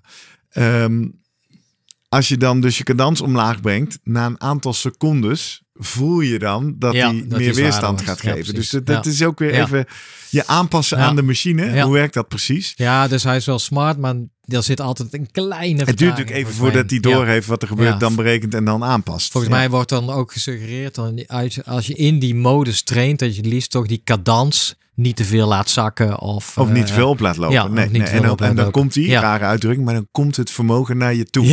Ja. Dus eh, wij moesten op een gegeven moment ook een keer in een, in een groepstraining met de UATT, moesten we op lage cadans een bepaald wattage pakken. Ja. En daar, daar ontdekte ik dat ook. Kun je dat heel goed voelen. Dat is dan in eerste instantie zet je dan je cadans op 60. Dan valt natuurlijk het vermogen weg, want je, je, je bent veel minder aan het trappen. En dan heeft hij het door. En dan Ja. voel je hem erop komen. Zo. Ja. Dan, oh, hier, alsjeblieft. Dus eh, nou ja, op zich best slim, toch? Ja. Zo'n slimme trainer. Ja. En ehm, ja, vind ik dat zwaarder dan zelf rondrijden? Maar ik moet zeggen, ik vind zelf pacen ook altijd best wel zwaar. In de zin, dan ben je aan het inspannen en dan word je moe. En dan kijk ja. je en denk je, oh kak, er moet nog wat bij. ja. Dus dan heb ik in feite, als je achteraf in mijn data kijkt, gemicropaced. Want ik ben even gedipt.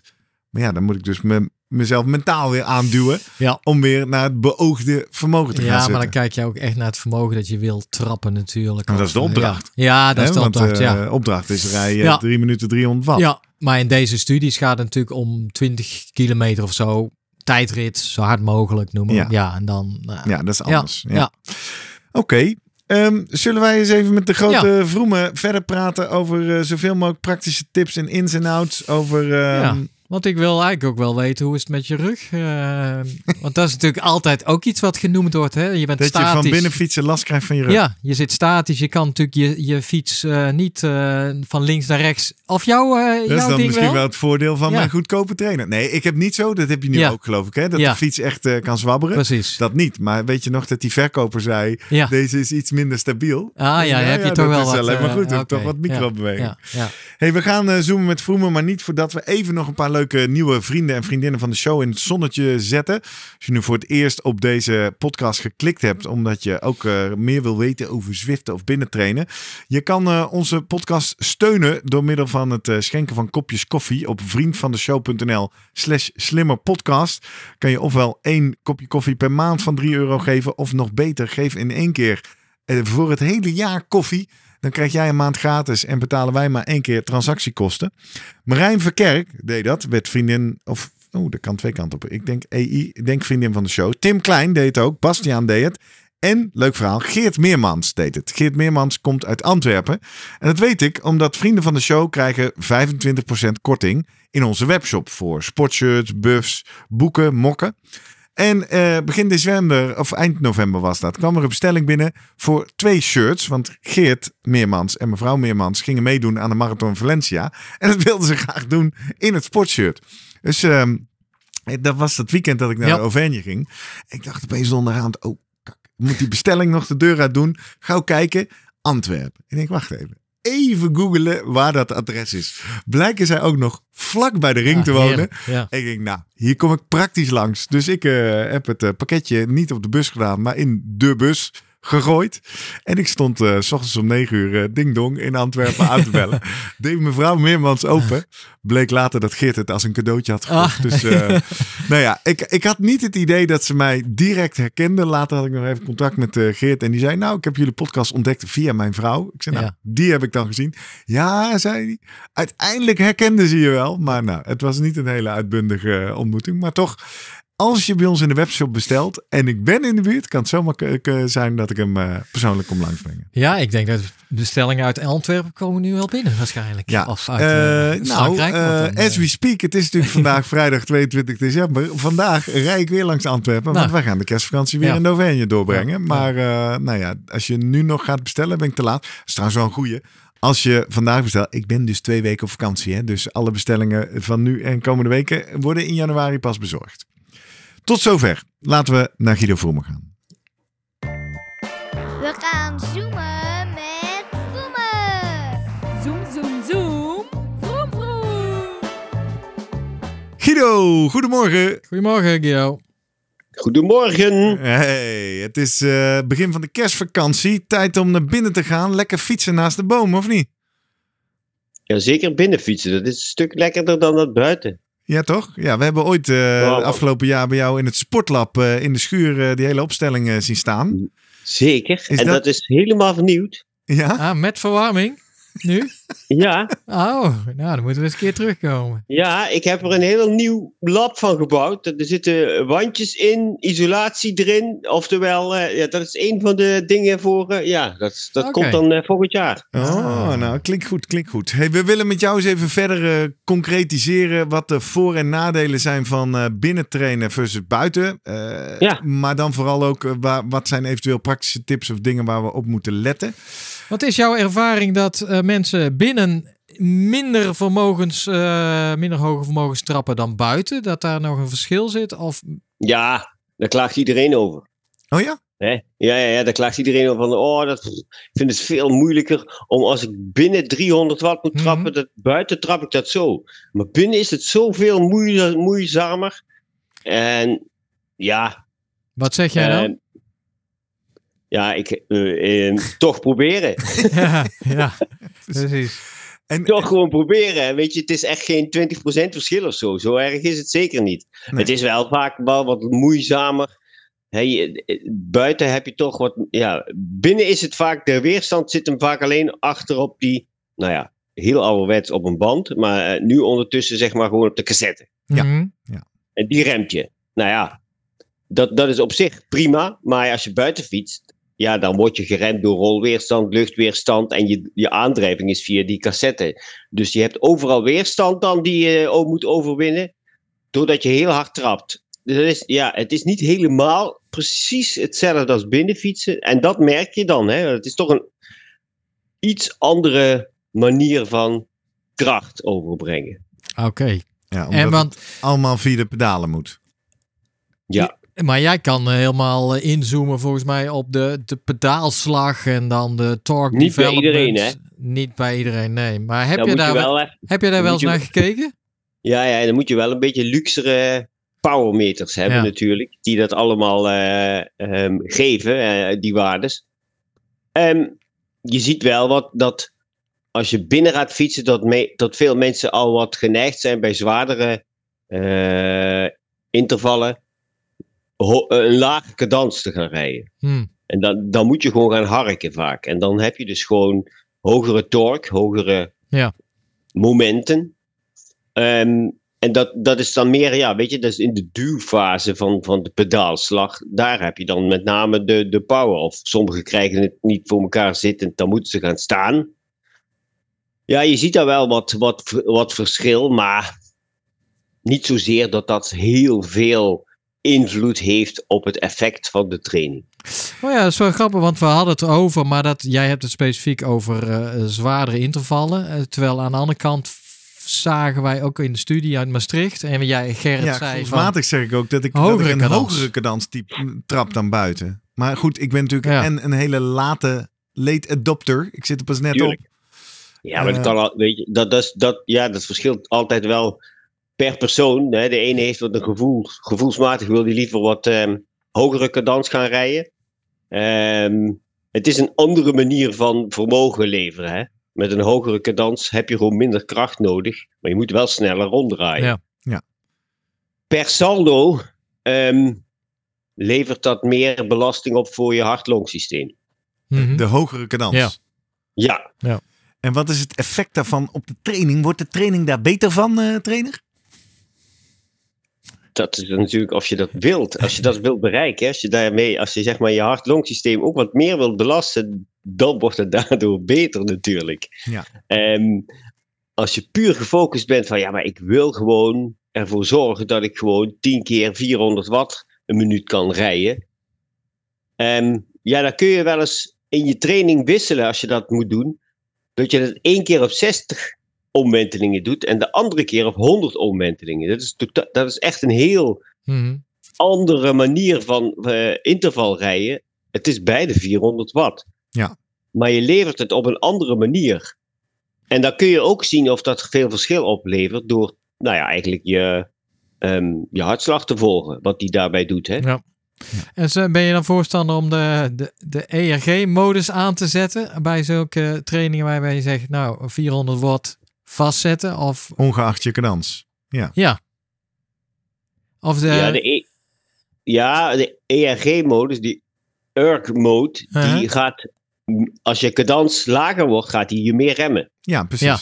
Ja, maar die zorgt dus wordt- altijd dat die 400 watt altijd Ja. getrapt moet worden. Klopt, alleen als je echt laag komt, en dan zit je dus echt wel onder de 60, ja, dan gaat hij op een gegeven moment zoveel remmen, dan sta je gewoon in één keer stil, hè. ja, ja. En dat is dan wel weer, het- ja, dat is het vervelende. Dat kunnen die machines wat moeizamer aan. Dan krijg je zoveel remkracht dat hij echt bam vastslaat. Ja. Dat wil je niet. Die Dus vier- dan is het wel weer lastiger, hè. ja. Praktische Dus tip, moet hem- wat moet je dan eigenlijk doen om de boel weer op gang te krijgen? Ik heb het één keer gehad, maar dat niet door de EGM, maar doordat ik tegen een 14% helling opkwam. En eh, geen, niet meer lichten kon schakelen. Ja, waarschijnlijk moet je dan, eh, eh, ehm, als je, als je zeg maar, omdraaien en de afdaling ingaan. Ja. dat, dat is sowieso mooi. Als je dat kunt doen, fietsen omdraaien en dan weer de andere kant op gaan. Ja. Ehm, maar eh, je kunt ook vaak een stap verder scrollen in, in, in de Ah, workout. Ja. Oh ja. En dan skip je die en dan ga je gewoon verder met nou, 100 watt bijvoorbeeld. Oh ja, slim. Nou ja, dat zijn even de kleine praktische tips. Hè. Jij doet het natuurlijk al. Hoe, hoe, hoe lang zit jij al in dit soort binnentrainapparaten, Guido? Jij was waarschijnlijk een enorme early adapter. Ja, heel lang al. Ik Ja. heb, eh, we hebben begonnen een beetje met eh, de, de aandrijfrollen Ja. ehm, van de taxen. En nou ja, nog vroeger daarvoor had ik ook al gewoon losse rollen. Mhm. Ja. Ja, dat, eh, hè, dat deed ik in het, wat ik al eens gezegd heb, in het studentenhuis. Ja, in de douche toch? In Utrecht, in, de, in, de, in de douche, tegenover het studentenhuis waar Jurgen zat. Ik ik dacht, in wat is die vroeg aan het doen? Dan keek ik naar buiten en denk ik, Fietsen in de douche. Zit hij nou weer te douchen? En zit hij daar, Komt ja. het daar uit die douchecabine? Ja, dat was ik. Ja.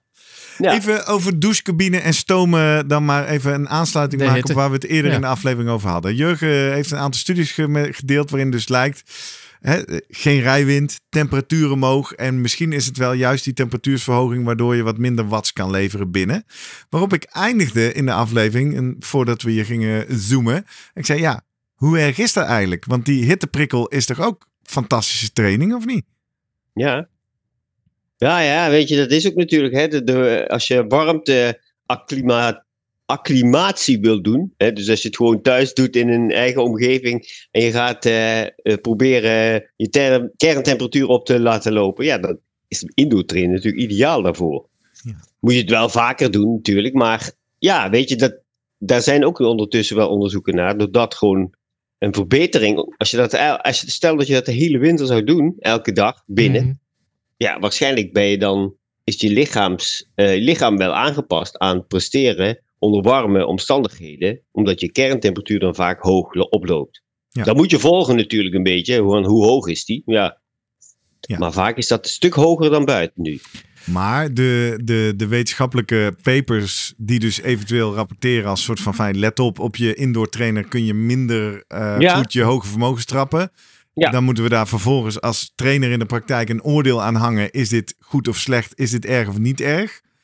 Eh, ja, ja dat, weet je, als je, als je dus ho- de kerntemperatuur te hoog oploopt, dan, dan zul je zien dat je dus geremd wordt Ja. in je Ja. output. Ja. ja. Ja, maar wat, wat Nee. is nou het belangrijkste? Ik bedoel, Ja. het idee Ja. is toch dat je aan het trainen bent? Of is het ook heel belangrijk dat je die hoge waardes haalt? nou ja, je hebt een bepaald doel voor ogen met als je een training gaat uitvoeren. Dus als ik een trainingsplan maak, Mhm. dan wil je in een bepaald intensiteitsgebied de prikkel geven. Ja. En als je dat dan ehm, bijvoorbeeld de eerste, het, eerste, nou ja, het eerste uur wel haalt en het laatste half uur, doordat je temperatuur te hoog is, niet meer haalt. Ja, dan, heb je, dan ben je eigenlijk wat anders aan het trainen, want dan ben je meer je warmte aanpassing aan het trainen en niet meer zozeer die trainingsprikkel in dat intensiteitsgebied. Ja, oké, maar nu ga ik. Het, lijkt bijna zeuren, maar ik bedoel, die intensiteit wordt in dat tweede uur dan toch juist ook gegenereerd door die warmte. Uiteindelijk is dat lijf andere, toch net ja. zo intensief. Metabole. Metabole energie. Het Ja. is niet mechanische energie. Je, je, kunt dus, je kunt dus met je spieren niet meer de mechanische energie vrijmaken die eigenlijk nodig is als je, nou ja, als je temperatuur lager is. Dan kun je Nee, meer. precies. En je zegt, het doel van die training zou in dat geval kunnen zijn, ik wil die spieren trainen. Ja, En dat lukt me dan niet.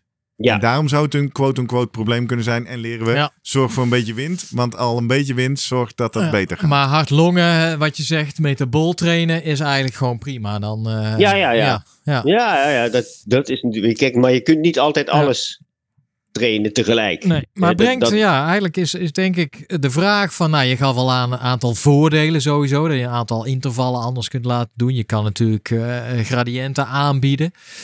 Maar je kan denk ik als coach, die jij bent, niet klakkeloos een, eh, een training voor buiten eh verta- of zeggen, nou, doe dat nu binnen.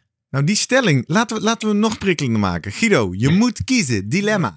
Het Ja. is mooi weer. Het is in principe veilig. Ik heb twee uur om te trainen. Heb je me liever buiten of liever binnen?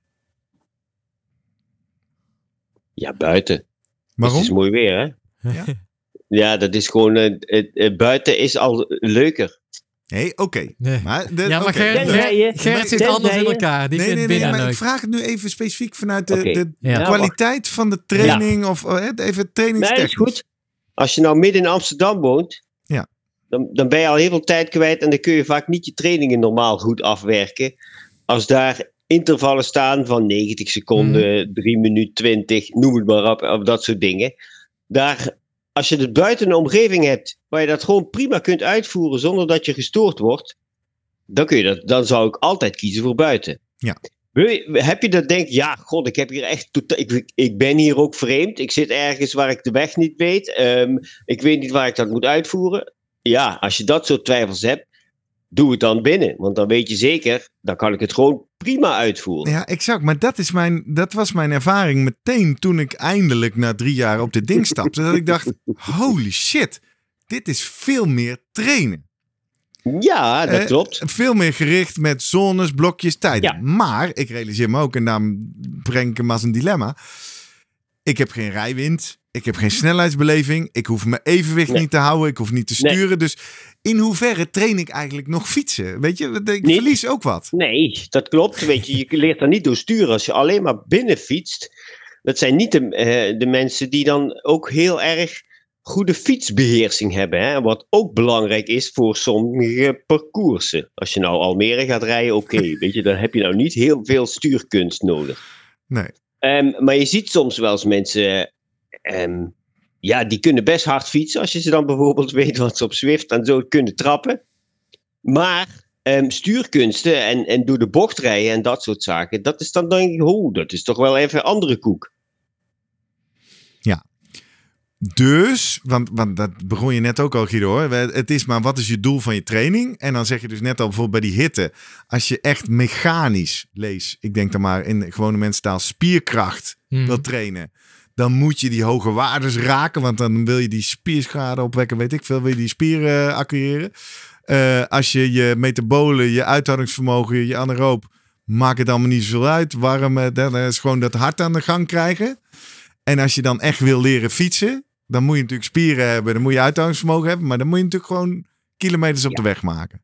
Ja, weet je, fietstechniek leer je niet echt op een, ehm, op een indoor trainer. Het wordt wel steeds meer eh waarheidsgetrouw gemaakt met van die planken die een beetje meebewegen en zo. En die rollers. Dat is, hè, als je op losse rollen zit, dan moet je echt wel een beetje gevoel hebben, evenwichtsgevoel, stu stuurkunsten niet zozeer, maar je moet daar wel fietsgevoel voor hebben. Want anders vlieg je daar zo vanaf. Dus dat, dat is Hoe dom is dat, jongen? Dat je in je garage of in je schuur Ja. van je fiets. Dat is jou overkomen zo te horen, Guido, of eh, in de begintijd? Nou ja, dat is best wel eens zo dat ik Ja. dacht, non die zegt, dat scheelde heel weinig. En dan hang je zo scheef tegen die muur aan. Ja. Nou is ja, het ik ook nog een ik- tip? Zorg dat je met je handje altijd even kan afduwen. Ja, ja, ja. En ik denk dat we dat wel eens een keer volgend jaar kunnen proberen met een van jullie. Ik zet zo'n rol neer en dan mogen jullie proberen of dat kan. Ja, of ja. jullie dat kunnen. Ja. Dus ja, techniek is echt iets wat je gewoon buiten moet leren. Ja. Ehm, andere dingen, die korte, ehm, explosieve sprints, is ook echt iets wat je buiten moet doen. Oh ja? Hoe ja, dat is Het ook is grappig, binnen want ik ook- zit dat in Zwift Ja. de hele tijd te doen. Kom ik Ja, weer een of andere groene denk- streep tegen en dan hop, een halve kilometer vlammen. Ja, dat, dat, ja, maar als je echt voluit sprint en dan ga je uit het zadel en je trekt uh, uh, hè, keihard een sprint aan. Ja, dat is indoor toch een stuk lastiger, want die fiets gaat toch niet helemaal. Ah, ja, Ja. precies. eh, die vliegt alle kanten op als, als je dat echt voluit doet. Ja. En dan kun je ook minder presteren, omdat je, ja, je kunt die kracht dan niet goed kwijt. Ja, en eh, ook niet op zo'n, eh, hoe noemen ze dat? Is dat een rocker of eh, zo'n halve skippiebal eh, die ze tegenwoordig hebben? Van die, eh, waar je Ja, wel dus Ja, nee, zijwaarts kan bewegen. Ja. Ja. Dat geeft gewoon wat minder statische belasting. Hè? Want heel veel mensen Ja. hebben ook van vroeger dan die, die, die, gewoon, die staan gewoon vast met je fiets erop. En dan verder doe je niet zoveel. Want dat mensen last kregen van hun billen, van hun rug, van Ja. hun schouders. Ja, dat is omdat je dan binnen, je fietst wel, maar ja, heel statisch. Hè? Je, je, je beweegt niet echt, je stuurt niet zo. eh, Dus je doet weinig met je, met je rest van je lichaam. Je benen draaien wel, maar dat is toch een beperking. En dan probeer je met die, die, die rockerplaten wat meer nou, bewegingen, wat dynamischer te maken. Zodat je ook met je bovenlichaam wat gaat mee bewegen en, en aansturen. Hmm. Maar het haalt het nog lang niet bij het, bij het echi. Zo te horen. Nee, nee, nee, dat zal het ook nooit, dat zal het ook nooit zijn. Ja, je hebt, ehm, ik heb ook wel op zo'n eh, zo'n loop, zo'n lopende band, Ja. ergometer. Oh, Tax ja. heeft, eh, heeft eh, zo'n ding gehad. Met een En fiets. dan, ja, Oeh, ja, die is spannend. iets langer. Ja. Ja, dat is, Ja. dat is ook weer heel spannend in het begin. Dat je Heb- denkt, jee, Heb je een grote garage nodig, denk ik. eh, ja. Ja, dat, dat ook. Want hij gaat ook nog eens 10, 20 procent omhoog of zo. Ah, ja. Dus je kunt behoorlijk klimmen. Dat is echt een klimtrainer. Ja. Want voor het vlakken heb je dan natuurlijk geen kloot aan. Want ja, dan zet je dat ding op 30 en dan denk je, ja, ik doe nog niet zo heel veel. Maar ja, Ja. als je hem op 10 procent klimmen zet. Volgens mij had Geesink ook zo'n ding eh, in zijn Ah, eh, ja. ja. huis staan. En dan kon hij gewoon hè, eigenlijk gewoon eh, zo, eh, als hij eh, een uur lang op 10% wilde klimmen, nou, dan kon je dat prima daarop doen. Gewoon de al fietsend, hè, want je kunt sturen en alles. Ja. Dus dat is, dat is wel een voordeel. Kijk, bij de binnentraining denk ik dat je, ehm, zeker als je wat, wat nauwkeuriger bepaalde zones wilt verbeteren, en dan heb je het over de, ja, de, de, rond de drempel en zo, dan kun je gewoon 10 minuten, 15 minuten blokken steady state blijven rijden, hè, zonder dat je daar gestoord wordt. Zonder Ja. kruising, zonder verkeer, zonder eh, dingen Ja. die je uit je ritme halen. Ja, En soms laat ik ook mensen nog eens eh, ehm, controleren of die intensiteit dan klopt door een, zeg maar, omdat ze toch binnen zitten, dan kunnen ze ook lactaat prikken. Nou ja. Ja. ja. Ja, dan kun je dat ook nog meten. Ja. Dit is dan heel veel makkelijker. Dus je kunt, als je, ja, dat is eigenlijk gewoon een labsituatie. Mhm. Een heel gecontroleerde omgeving. Fietsvermogen wordt eh, gedoseerd. Jij trapt, je hartslag wordt gemeten, je, je vermogen wordt gemeten, je kunt je lactaat meten. En dan heb je eigenlijk een heel mooi gecontroleerde training. en dat bij alle atleten thuis. Dus iedereen heeft eigen sportlab in de schuur. Volgende Ja. prikkelende stelling, Guido. Toen ik hierover naliep te denken, eh, onlangs hoorde ik eh, een mooi podcast in het wiel met eh, Tom Dumoulin over, eh, over voeding. Mhm. En dan hadden ze, dat bleven ze maar zeggen, en dan hoor je natuurlijk vaker in de media, dat voeding de grote revolutie in het wielenpeloton Oh ja. is van de afgelopen Ja. jaren. De game changer. De game changer. ja, ja. Opeens dacht ik, wacht even. De afgelopen drie, vier, vijf jaar, nou, misschien iets langer bij de profs, maar toch. Eh, dit hele indoor en virtuele trainen is ook wel significant beter en realistischer geworden. Dus opeens kunnen we jaar rond heel serieus op de fiets zitten. Wat denk jij? Is de game changer misschien wel de indoor trainer? Misschien wel alles bij elkaar, hè? Dat denk ik sowieso. Alles bij elkaar, want het is nooit één ding. Mhm. Maar weet je, alles helpt een beetje je prestatievermogen eh, op een hoger niveau te krijgen. De, en, en dat is niet één ding maar. En, en ook dat indoor trainen, dat helpt toch bij dat je ja, niet ver wegzakt. Als je dat in de winter goed Toch? op, eh, op goed kwalitatief niveau kunt bijhouden, dan, ja, vroeger gingen ze dan alleen maar rustige duretjes doen, hè. Weet je, dus eh, drie uur of vier uur rustig fietsen. Ja, Ja, da- da- dan hou je ook wel iets bij. Alleen ja, kwalitatief is het natuurlijk niet zo heel goed. Hè, Nee. Het is gewoon heel suf. En het is maar één systeempje wat je dan bijhoudt en that's it. Ja, dat was toen de trainingsfilosofie, toch? Je moet eerst drie maanden een hele grote, flinke, andere, Mhm. eh, of een aerobe basis leggen. Ja, ja, gewoon, gewoon heel rustig en heel lang fietsen. Ja, maar je zegt nu, daar komen we dus op terug. Nou ja, ik vind het, eh, ik vind het een, een filosofie die kan best wel voor mensen werken, maar ehm, ik geloof er niet zo in. Nee, volgens mij bij die prof sowieso niet. Want dat, die hebben nog maar een maandje vrij of zo. En dan Ja, dus in meteen staan. en noem maar op. Plus, ja, nou, dan heb je hem al. Lange duurritten en dan zonder suiker, hè? Of zonder ontbijt. Of, eh, ja, dat vertelde hij in die podcast. Ja, dat Ja, dus- sowieso niet zo slim. Dus Nee. er zijn inderdaad wat, wat dingen die, die dwars door elkaar Ja. heen eh, lopen. Ja, Ik, eh, klopt. Ja, we hebben het over fietsen. Loopband. Heb je die, die heb je ook nog staan natuurlijk bij jou, hè? Ja, Ga je daar Ja. zelf nog op met jouw knie? Hetzelfde of, eh, dilemma. Als ik, ja. eh, als ik buiten ja, hè, ja. een uur buiten lopen of een uur binnen lopen, wat zou je kiezen? Nou, ook hier geldt weer hetzelfde. Als je zeg maar gewoon een, een duurtraining moet doen, zonder dat je speciale intervallen moet doen, dan zeg ik bijna altijd buiten, tenzij het gevaarlijk is. En En dan bedoel je gladheid vooral, hè? gladheid, eh, weet ik veel, onweer, bliksem, Ja, eh, ja, noem ja. het allemaal maar Een op. hè. wolf in de buurt. Eh, eh, ja, maar dat is dan wel weer uitdagend. Ja, Dat- dat daar vind ik kun wel je wel voor Dat vind ik interval dan weer mooi. Ja, Ja. dat vind ik wel wel, wel mooi. Ehm, dus een, loop, een loopband en dan een beetje een duurloop doen, hoef je voor mij, eh, dan kun je net zo goed buiten. Als je een mooie omgeving hebt, ga je dat doen. Ja, soms is het ook wel knetterdonker en dan kun je, is het niet veilig. Nou, dan kun je het allemaal prima binnen doen. Ja. Maar een loopband is wel uitermate geschikt om gewoon tempo op te leggen. En, en tempo's te lopen die je, die je zou willen lopen of in je training moet uitvoeren. Ja, dus ook Ideaal, daar weer want dat, de kwaliteit tempo wordt van de blokjes gaat omhoog in feite. Ja. Ja, want sommigen hebben ook wel last van, oh ja, dan moet ik dus vier minuten lang tempo dus eh 3 minuten 30 eh, de kilometer lopen. Eh, en ja, en die, die zijn niet zo tempo vast. Zelfs nu niet op een atletiekbaan. en ja, maar een loopband die zet je gewoon dan eh, op 17 per uur. En ja, Ja. dan moet je door blijven lopen. Ja, succes. En dan eh, wel eh 1% eh, gradient, de helling. Ja. Oké. Ja, het makkelijkste is 1%. Eigenlijk is het hoe harder je loopt. En dan moet hij eigenlijk al op een gegeven moment naar 2%. Hè, want harder lopen geeft ook meer tegenwind. Maar nou ja, als je maar op 1% zit, heb je al in ieder geval iets moeilijker. Maar ik vind het belangrijkste, kijk, als je op de loopband op 1% 3 minuten 30 bijvoorbeeld tempo zet, dan zul je met dat vermogen wat je, en- of intensiteit die je daar loopt, waarschijnlijk buiten meer moeite hebben. Want ja, dan, dan ga je er een beetje vanuit dat het windstil is hè, op de loopband. Ja.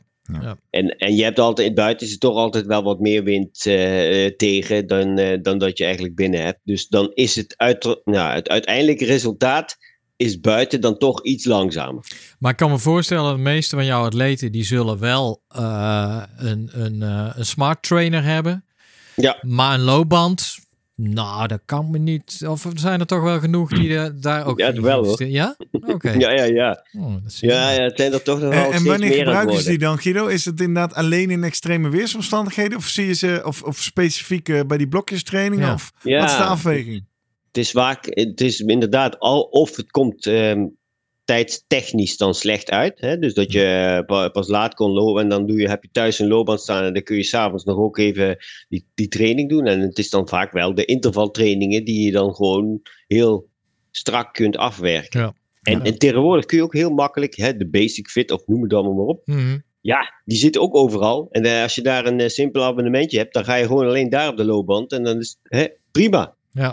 En nou, dan- ik moet wel zeggen, we nu met de Basic Fit gaat onderuit, maar waar ik aan moest denken, eh, nogmaals, eh, nou, eindelijk zit ik ook op zo'n ding in de schuur. Wat ik fijn vond voor het thuisfront om te merken, is dat in ieder geval in de eerste weken de indruk lijkt te ontstaan dat ik niet weg ben. Dus dat Ja. is wel gunstig, hè? want je bent, bent al zoveel gewoon- uur aan het trainen, je bent al zoveel Ja. weg. Ik zit in ieder er geval gewoon. in het zicht. Ik ben aanspreekbaar. Ja. Moet zeggen, nu de weken wat vorderen en ik wat langer af en toe in die want ik blijf er iedere keer te lang op zitten, dan begint het, nou, nou, je ging toch een uurtje? ja, ja, precies. Oh ja, ja, ja. Komen ze al Ja, en het is, Ja. weet je, wat betreft verzorging, hè, dus voeding, Mm. Ja, kun je allemaal zo om je heen neerzetten. dat, dat Ja. kun je allemaal prima regelen. En het is allemaal veel makkelijker dan buiten natuurlijk, hè? Ja. Dus Ja. Dat, is, dat is ook een voordeel. En eh, ik zit nog. Oh ja, eh, we hebben het eerder een paar afleveringen terug hadden we het over eh, racen in de kop van de wedstrijd en trainen op racebeslissingen maken. Ik heb ook eindelijk eens minimaal Ja. weliswaar Heb de wedstrijd gereden? een hè? wedstrijdje gereden en alle fouten gemaakt die ze van tevoren voorspellen. Namelijk, net zoals toen met die loopwedstrijd, niet lang genoeg kunnen wachten, te vroeg demareren, voor de finish in elkaar klappen.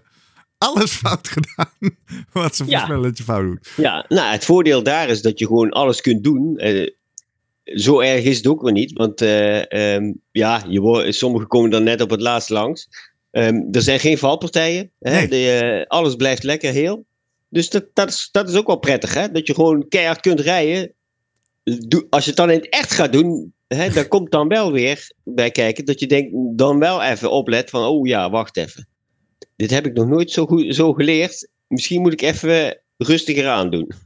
Nee, exact. En dan bedoel je specifiek in een pelotonnetje rijden of zo? Ja, Ja, ja. ja, ja, ja. Ja. Ja. Hè, in een pelotonnetje rijden is toch iets anders in het echt dan in Zwift. Ja, Ja, daar rij je gewoon overal doorheen. Hè. Dat interesseert, daar heb je nergens last van. Nee, precies. Maar de, de race dynamiek vond Ja. ik best wel lijken op wat ik er overal over gelezen heb. Namelijk eh, wachten, wachten, wachten en je gaat toch te vroeg. Nou, dat was ook zo. Dus voordat jij gaat inschrijven voor het criterium eh, van... eh, Nou, ik denk de niet dat ik dit jaar wielerkoersen ga Ja. doen. Maar eh, als ik in de teamcompetitie uitkom, dan zit daar ook eh stegenwedstrijden ik zou nog even... Een hele stomme vraag, hè? maar die mag ik wel stellen. Eh, Mhm. Heb je ook een soort Swift voor mountainbikers en een smart trainer voor mountainbikes? Ehm, ja, die passen erop. Hè. Mhm. Mountainbikes passen er ook op. Dus eh, dan moet je even andere cassetten erop zetten. En daar past je mountainbike daar ook op. Dus gewoon allemaal adaptersetjes. En ehm, of Zwift heeft ook off-road. Ja. ehm, Oké. eh, Je kan ook een virtueel mountainbikeje kiezen. Ja. Ah. Ja. Ja, ja. En je hebt ook nog andere apps. driewieler. Hè? Ja. Naast Zwift heb je er nog tal van andere. Ik heb, onder ik heb ook eh Rauvi of Ruvi. Dat zijn gewoon videoopnames. En daar zitten ook gewoon mountainbike routes in. Hè? Dus als ik de Amerongs, Amerongen wil rijden, daar heeft iemand gewoon een videoopname gemaakt. En die kun je dan gewoon nafietsen. Zonder dat je je fiets hoeft te poetsen. Ja. Ja, dat is wel lekker. Maar dat is lastig voor op Strava te zetten dan. Of eh, doe je copy-paste dan wilt. parcours. Nou ja, als je dat wilt, da- daar zitten dus ook ondertussen routes bij waar Strava-segmenten zijn Ah, ingemaakt. Ja. Dus die kun je ook gewoon rijden. Ja. En ik kan je vertellen, die, die routes, als je die rijdt en je, eh, ja, bijvoorbeeld je rijdt eigenlijk, je wilt een berg oprijden zoals hè, de Alpe d'Huez. Mhm. En je, wil- je, je klikt die route aan je, je gaat daar gewoon zo hard als je kunt. Wat je denkt, nou weet je, ik probeer dat binnen een uur te rijden. Nou, dat is redelijk eh, dicht bij de realiteit wat je dan echt kunt. Oh ja. Dan ga je, je wel bedoelt eigenlijk die, die resultaten van binnen Ja, vertalen ja, zich behoorlijk goed naar buiten. Ja, ja echt. Ehm, die- als je die route rijdt en, en, en je rijdt tegen de nou, 3,5 watt per kilogram of zo omhoog. ehm, dan weet je, nou ja, dan, dan zou mijn, mijn tijd op de Alpe d'Huez een beetje zo 55 minuten ongeveer zijn. Ja. Ehm, even uit mijn hoofd. En dat, dat, dat is, in het echt is dat ook ongeveer Ja. zo. Tenzij het ineens alleen maar tegenwind zou zijn. Hè. Dat is, maar bij normale omstandigheden klopt dat aardig. Tot op de binnen een minuut. Ik moet zeggen, ik heb niet zo heel veel klimervaring. Maar ik heb nu een paar keer in Swift tegen een of andere heuvel opgeklommen. Het voelt best wel realistisch ook. Nou, ja, dat klopt. Ik heb, ik heb zelf dan die, ehm, die eh, de kikker eh, trainer. En daar zit dan ook nog een climb aan de voorkant. Ja, dat je Dus fiets ook schuin gaat staan. Precies, dan gaat je fiets dus ook nog omhoog. Dus als ik dan een, een berg op ga fietsen, dan gaat die fiets ook nog eens omhoog staan op, in 10% eh hellingshoek. En dan, dan, wordt het, ja, dan wordt het gevoel dat je een berg op aan het fietsen bent best wel steeds reëler. Moeten we het nog hebben over nadelen? We hebben het al gehad over je leert natuurlijk niet echt sturen. Je leert Hebben niet gezegd, eh, je fiets in balans Ja. houden. Sprinten, eh, ja, top van je eh, kunnen sprinten is niet heel Belasting geschikt voor je voor. rug misschien. En, eh, nou Zijn ja. er nog andere nadelen, gevaren, risico's waar we op moeten letten als we het hebben over indoor trainen? Ja, risico's. Op zich zijn er niet hele hè, grote risico's daarbij. Ik, de- ik, heb, ik heb ook mensen wel eens gehad die, die reden alleen, alleen maar binnen. Mhm. Dan denk ik, nou, dan mis je toch wel een hoop. Ja, Waarom ga je niet buiten fietsen? En je denkt, nou, oké, dat was gewoon hartstikke mooie weers in de zomer. En dan ga je nog steeds binnen fietsen. Nou, oké. Ehm, een verslaving misschien? Ja. Eh, dat dat een negatief eh, eh, deel kan zijn? nou ja, daar las ik wel wat over. En ik werd ook op eh, Facebook eh, door eh, eh, iemand reageerde. Zei ja, dit is dus wel een gevaar. Want je, je traint meer dan je zou moeten. Je traint te hard dan wat goed Ja. voor je zou zijn. En je staat uiteindelijk eh, moe aan het begin van je seizoen. Ja, dat wordt ook wel eens vaak gezegd, dat je dan in de winter te hard traint. Ja. daar zit ben je natuurlijk altijd zelf bij. Ehm, maar je wordt wel, als je nou ja, in die races meedoet, dan zijn heel veel mensen die zich niet in kunnen houden. Nee, zeker niet. Nee. Ja. Maar dat vind ik er juist ook zo leuk aan. Ja. Zoals Ja, er beloningen op de loer liggen en zo. Precies, als je, dat, als je je dan voorstelt dat je dat elke dag op dat ding stapt, Ja, en je hebt precies. elke dag dit, da- dan wordt het op op een gegeven moment een probleem. Als je het één keer in de week of twee keer in de week doet en je laat jezelf gek maken, ja, dat is niet zo erg, hè? Nee. Nou, dus dat is goed. Eh, Hou jij een beetje in de gaten dan? Eh, Ja, en de HRV Ja, ja, ja. voor Training app, hè? Oh ja, En, eh, precies. Ja, die heb ik en hè, zo'n commentaar erbij. ja. Hè, dat moet natuurlijk ook op een gegeven moment niet eh, dat hij zegt: "Jee, Ik heb echt helemaal geen zin om te trainen meer. En ik ben moe. En ik, ja, ja. Dan goed, komt ga het maar door de even indoor training. wandelen. Ja, precies. Ja. Vochtverlies is ook belangrijk, hè? is ook altijd nog wel een ding. Vochtverlies Ja. binnen, Ja, je zweet je helemaal de blubber. Hebben we het al even over Nou, gehad in deze aflevering. precies. Ja. Dus daar moet je ook naar handelen. Veel drinken, meer drinken. ehm, en, en bijtanken daarna. Eh, gewoon water, thee, niks specifieks. Maar gewoon even extra, extra ja, keer maar extra drinken. elektrolyten heb je ook nodig, hè? Ja. Anders hou je dat vocht niet vast. Oké. Ja. Leuk. Jurgen, jij eh, traint alleen binnen op een crosstrainer, geloof ik, hè? Met de virtuele wereld erbij? Nee. Eh, nee, je bent een- niet virtueel aan het langlaufen. Met een muziekje op. eh, Ah, ja. ja. Ja. Muziek ik- helpt ook altijd. Dat ik klopt. loop altijd een beetje eh, een paar jaar achter, hè, dat weet je. Dus, eh, Wie weet. Ik eh, word heel enthousiast van jouw verhalen, Gerrit. Ja, Ik wacht eigenlijk het moment af dat je toch op een gegeven moment zegt van nou, ik heb het gehad. Ik heb mijn hoogste niveau gehaald. Ik, ik kan geen munten of beloningen kunnen. of weet ik het wat allemaal dat weer zou kunnen. Maar ik lees al op swiftinsider.com dat het tot eh, level 50 doorgaat. Oh, oké. Dus eh, ik, heb, nog- Eh, ik heb nog aardig wat levels te waar halen. zit je nu dan? Ja, Eén ik, of twee, eh, drie? onder de 10. Nee, Ja, ja. al op Ah, 8 oké. of zo. Ah. En Ja. volgens mij, maar daar moet ik me nog eens in verdiepen, maar dat doe ik dadelijk wel lekker in de winterstop. eh, moet je vanaf niveau 12 of 5, weet ik veel, maar dan mag je eigen groep maken. En dan mag je eigen events maken. Ah. Dus misschien moeten mensen uit de Slim Ah. Community het leuk vinden. Ah, ja. Maar eens even gaan reageren en laten weten of Ja. ze het ook leuk, gezellig, tof zouden vinden. Dat we iets met onze community Virtueel gaan doen. virtueel Ja. gaan doen.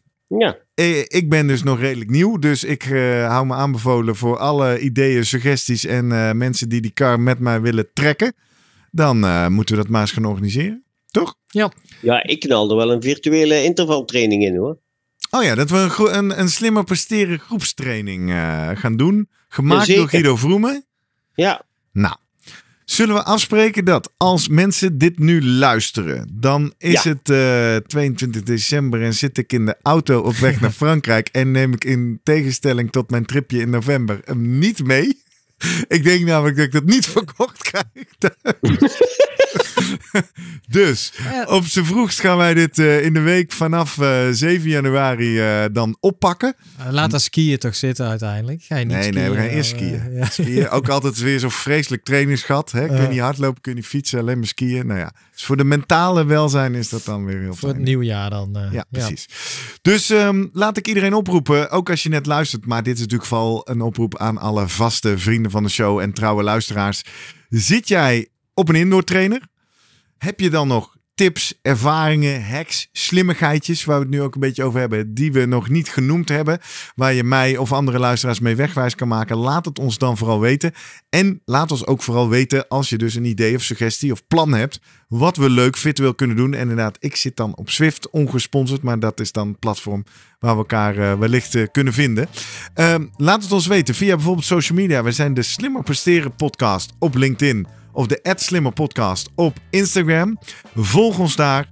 Eh, reageer op de post over deze aflevering of stuur ons even een direct message.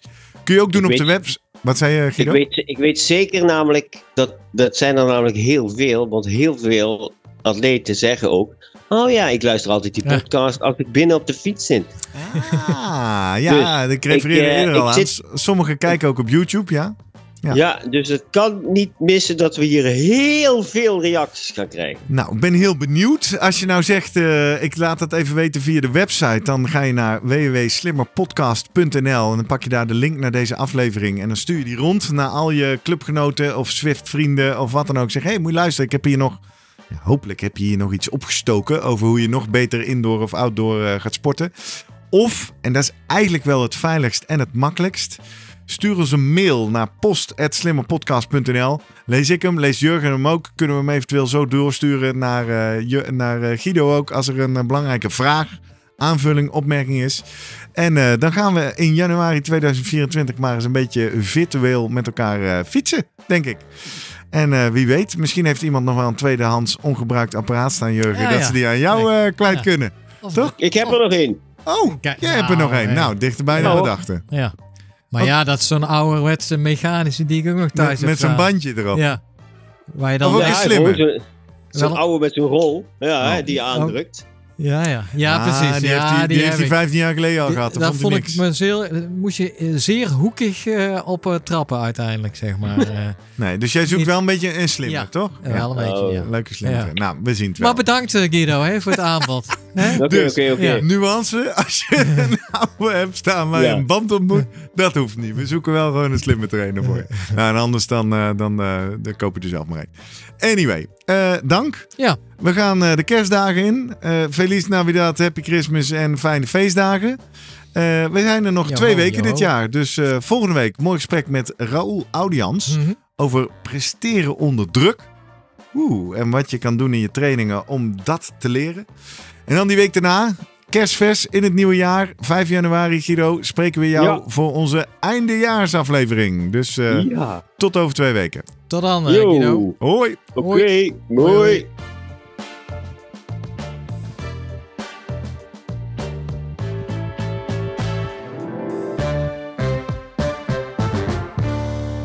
Ja, goed dat je deze aflevering helemaal tot het einde uitluistert. Want op het einde hebben we altijd nog een tip uit ons rijke archief van meer dan 160 afleveringen.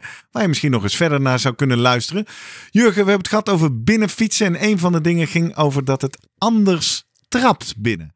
Heb jij nog een leuke tip voor onze luisteraars? Ja, dan zou ik gaan luisteren naar aflevering 139, Dans in de Cadans. Daar hebben we het over cadans, traptechniek, eh torque training. eh, Ja. Alles komt voorbij eigenlijk over, eh, ja, wat over traptechniek en eh, bij het fietsen. En dat is natuurlijk relevant van eh, ja, of je nou indoor net even anders trapt dan outdoor. Dus ga die luisteren. Precies. Goeie tip. Dankjewel Jurgen. Tot volgende week. Yo.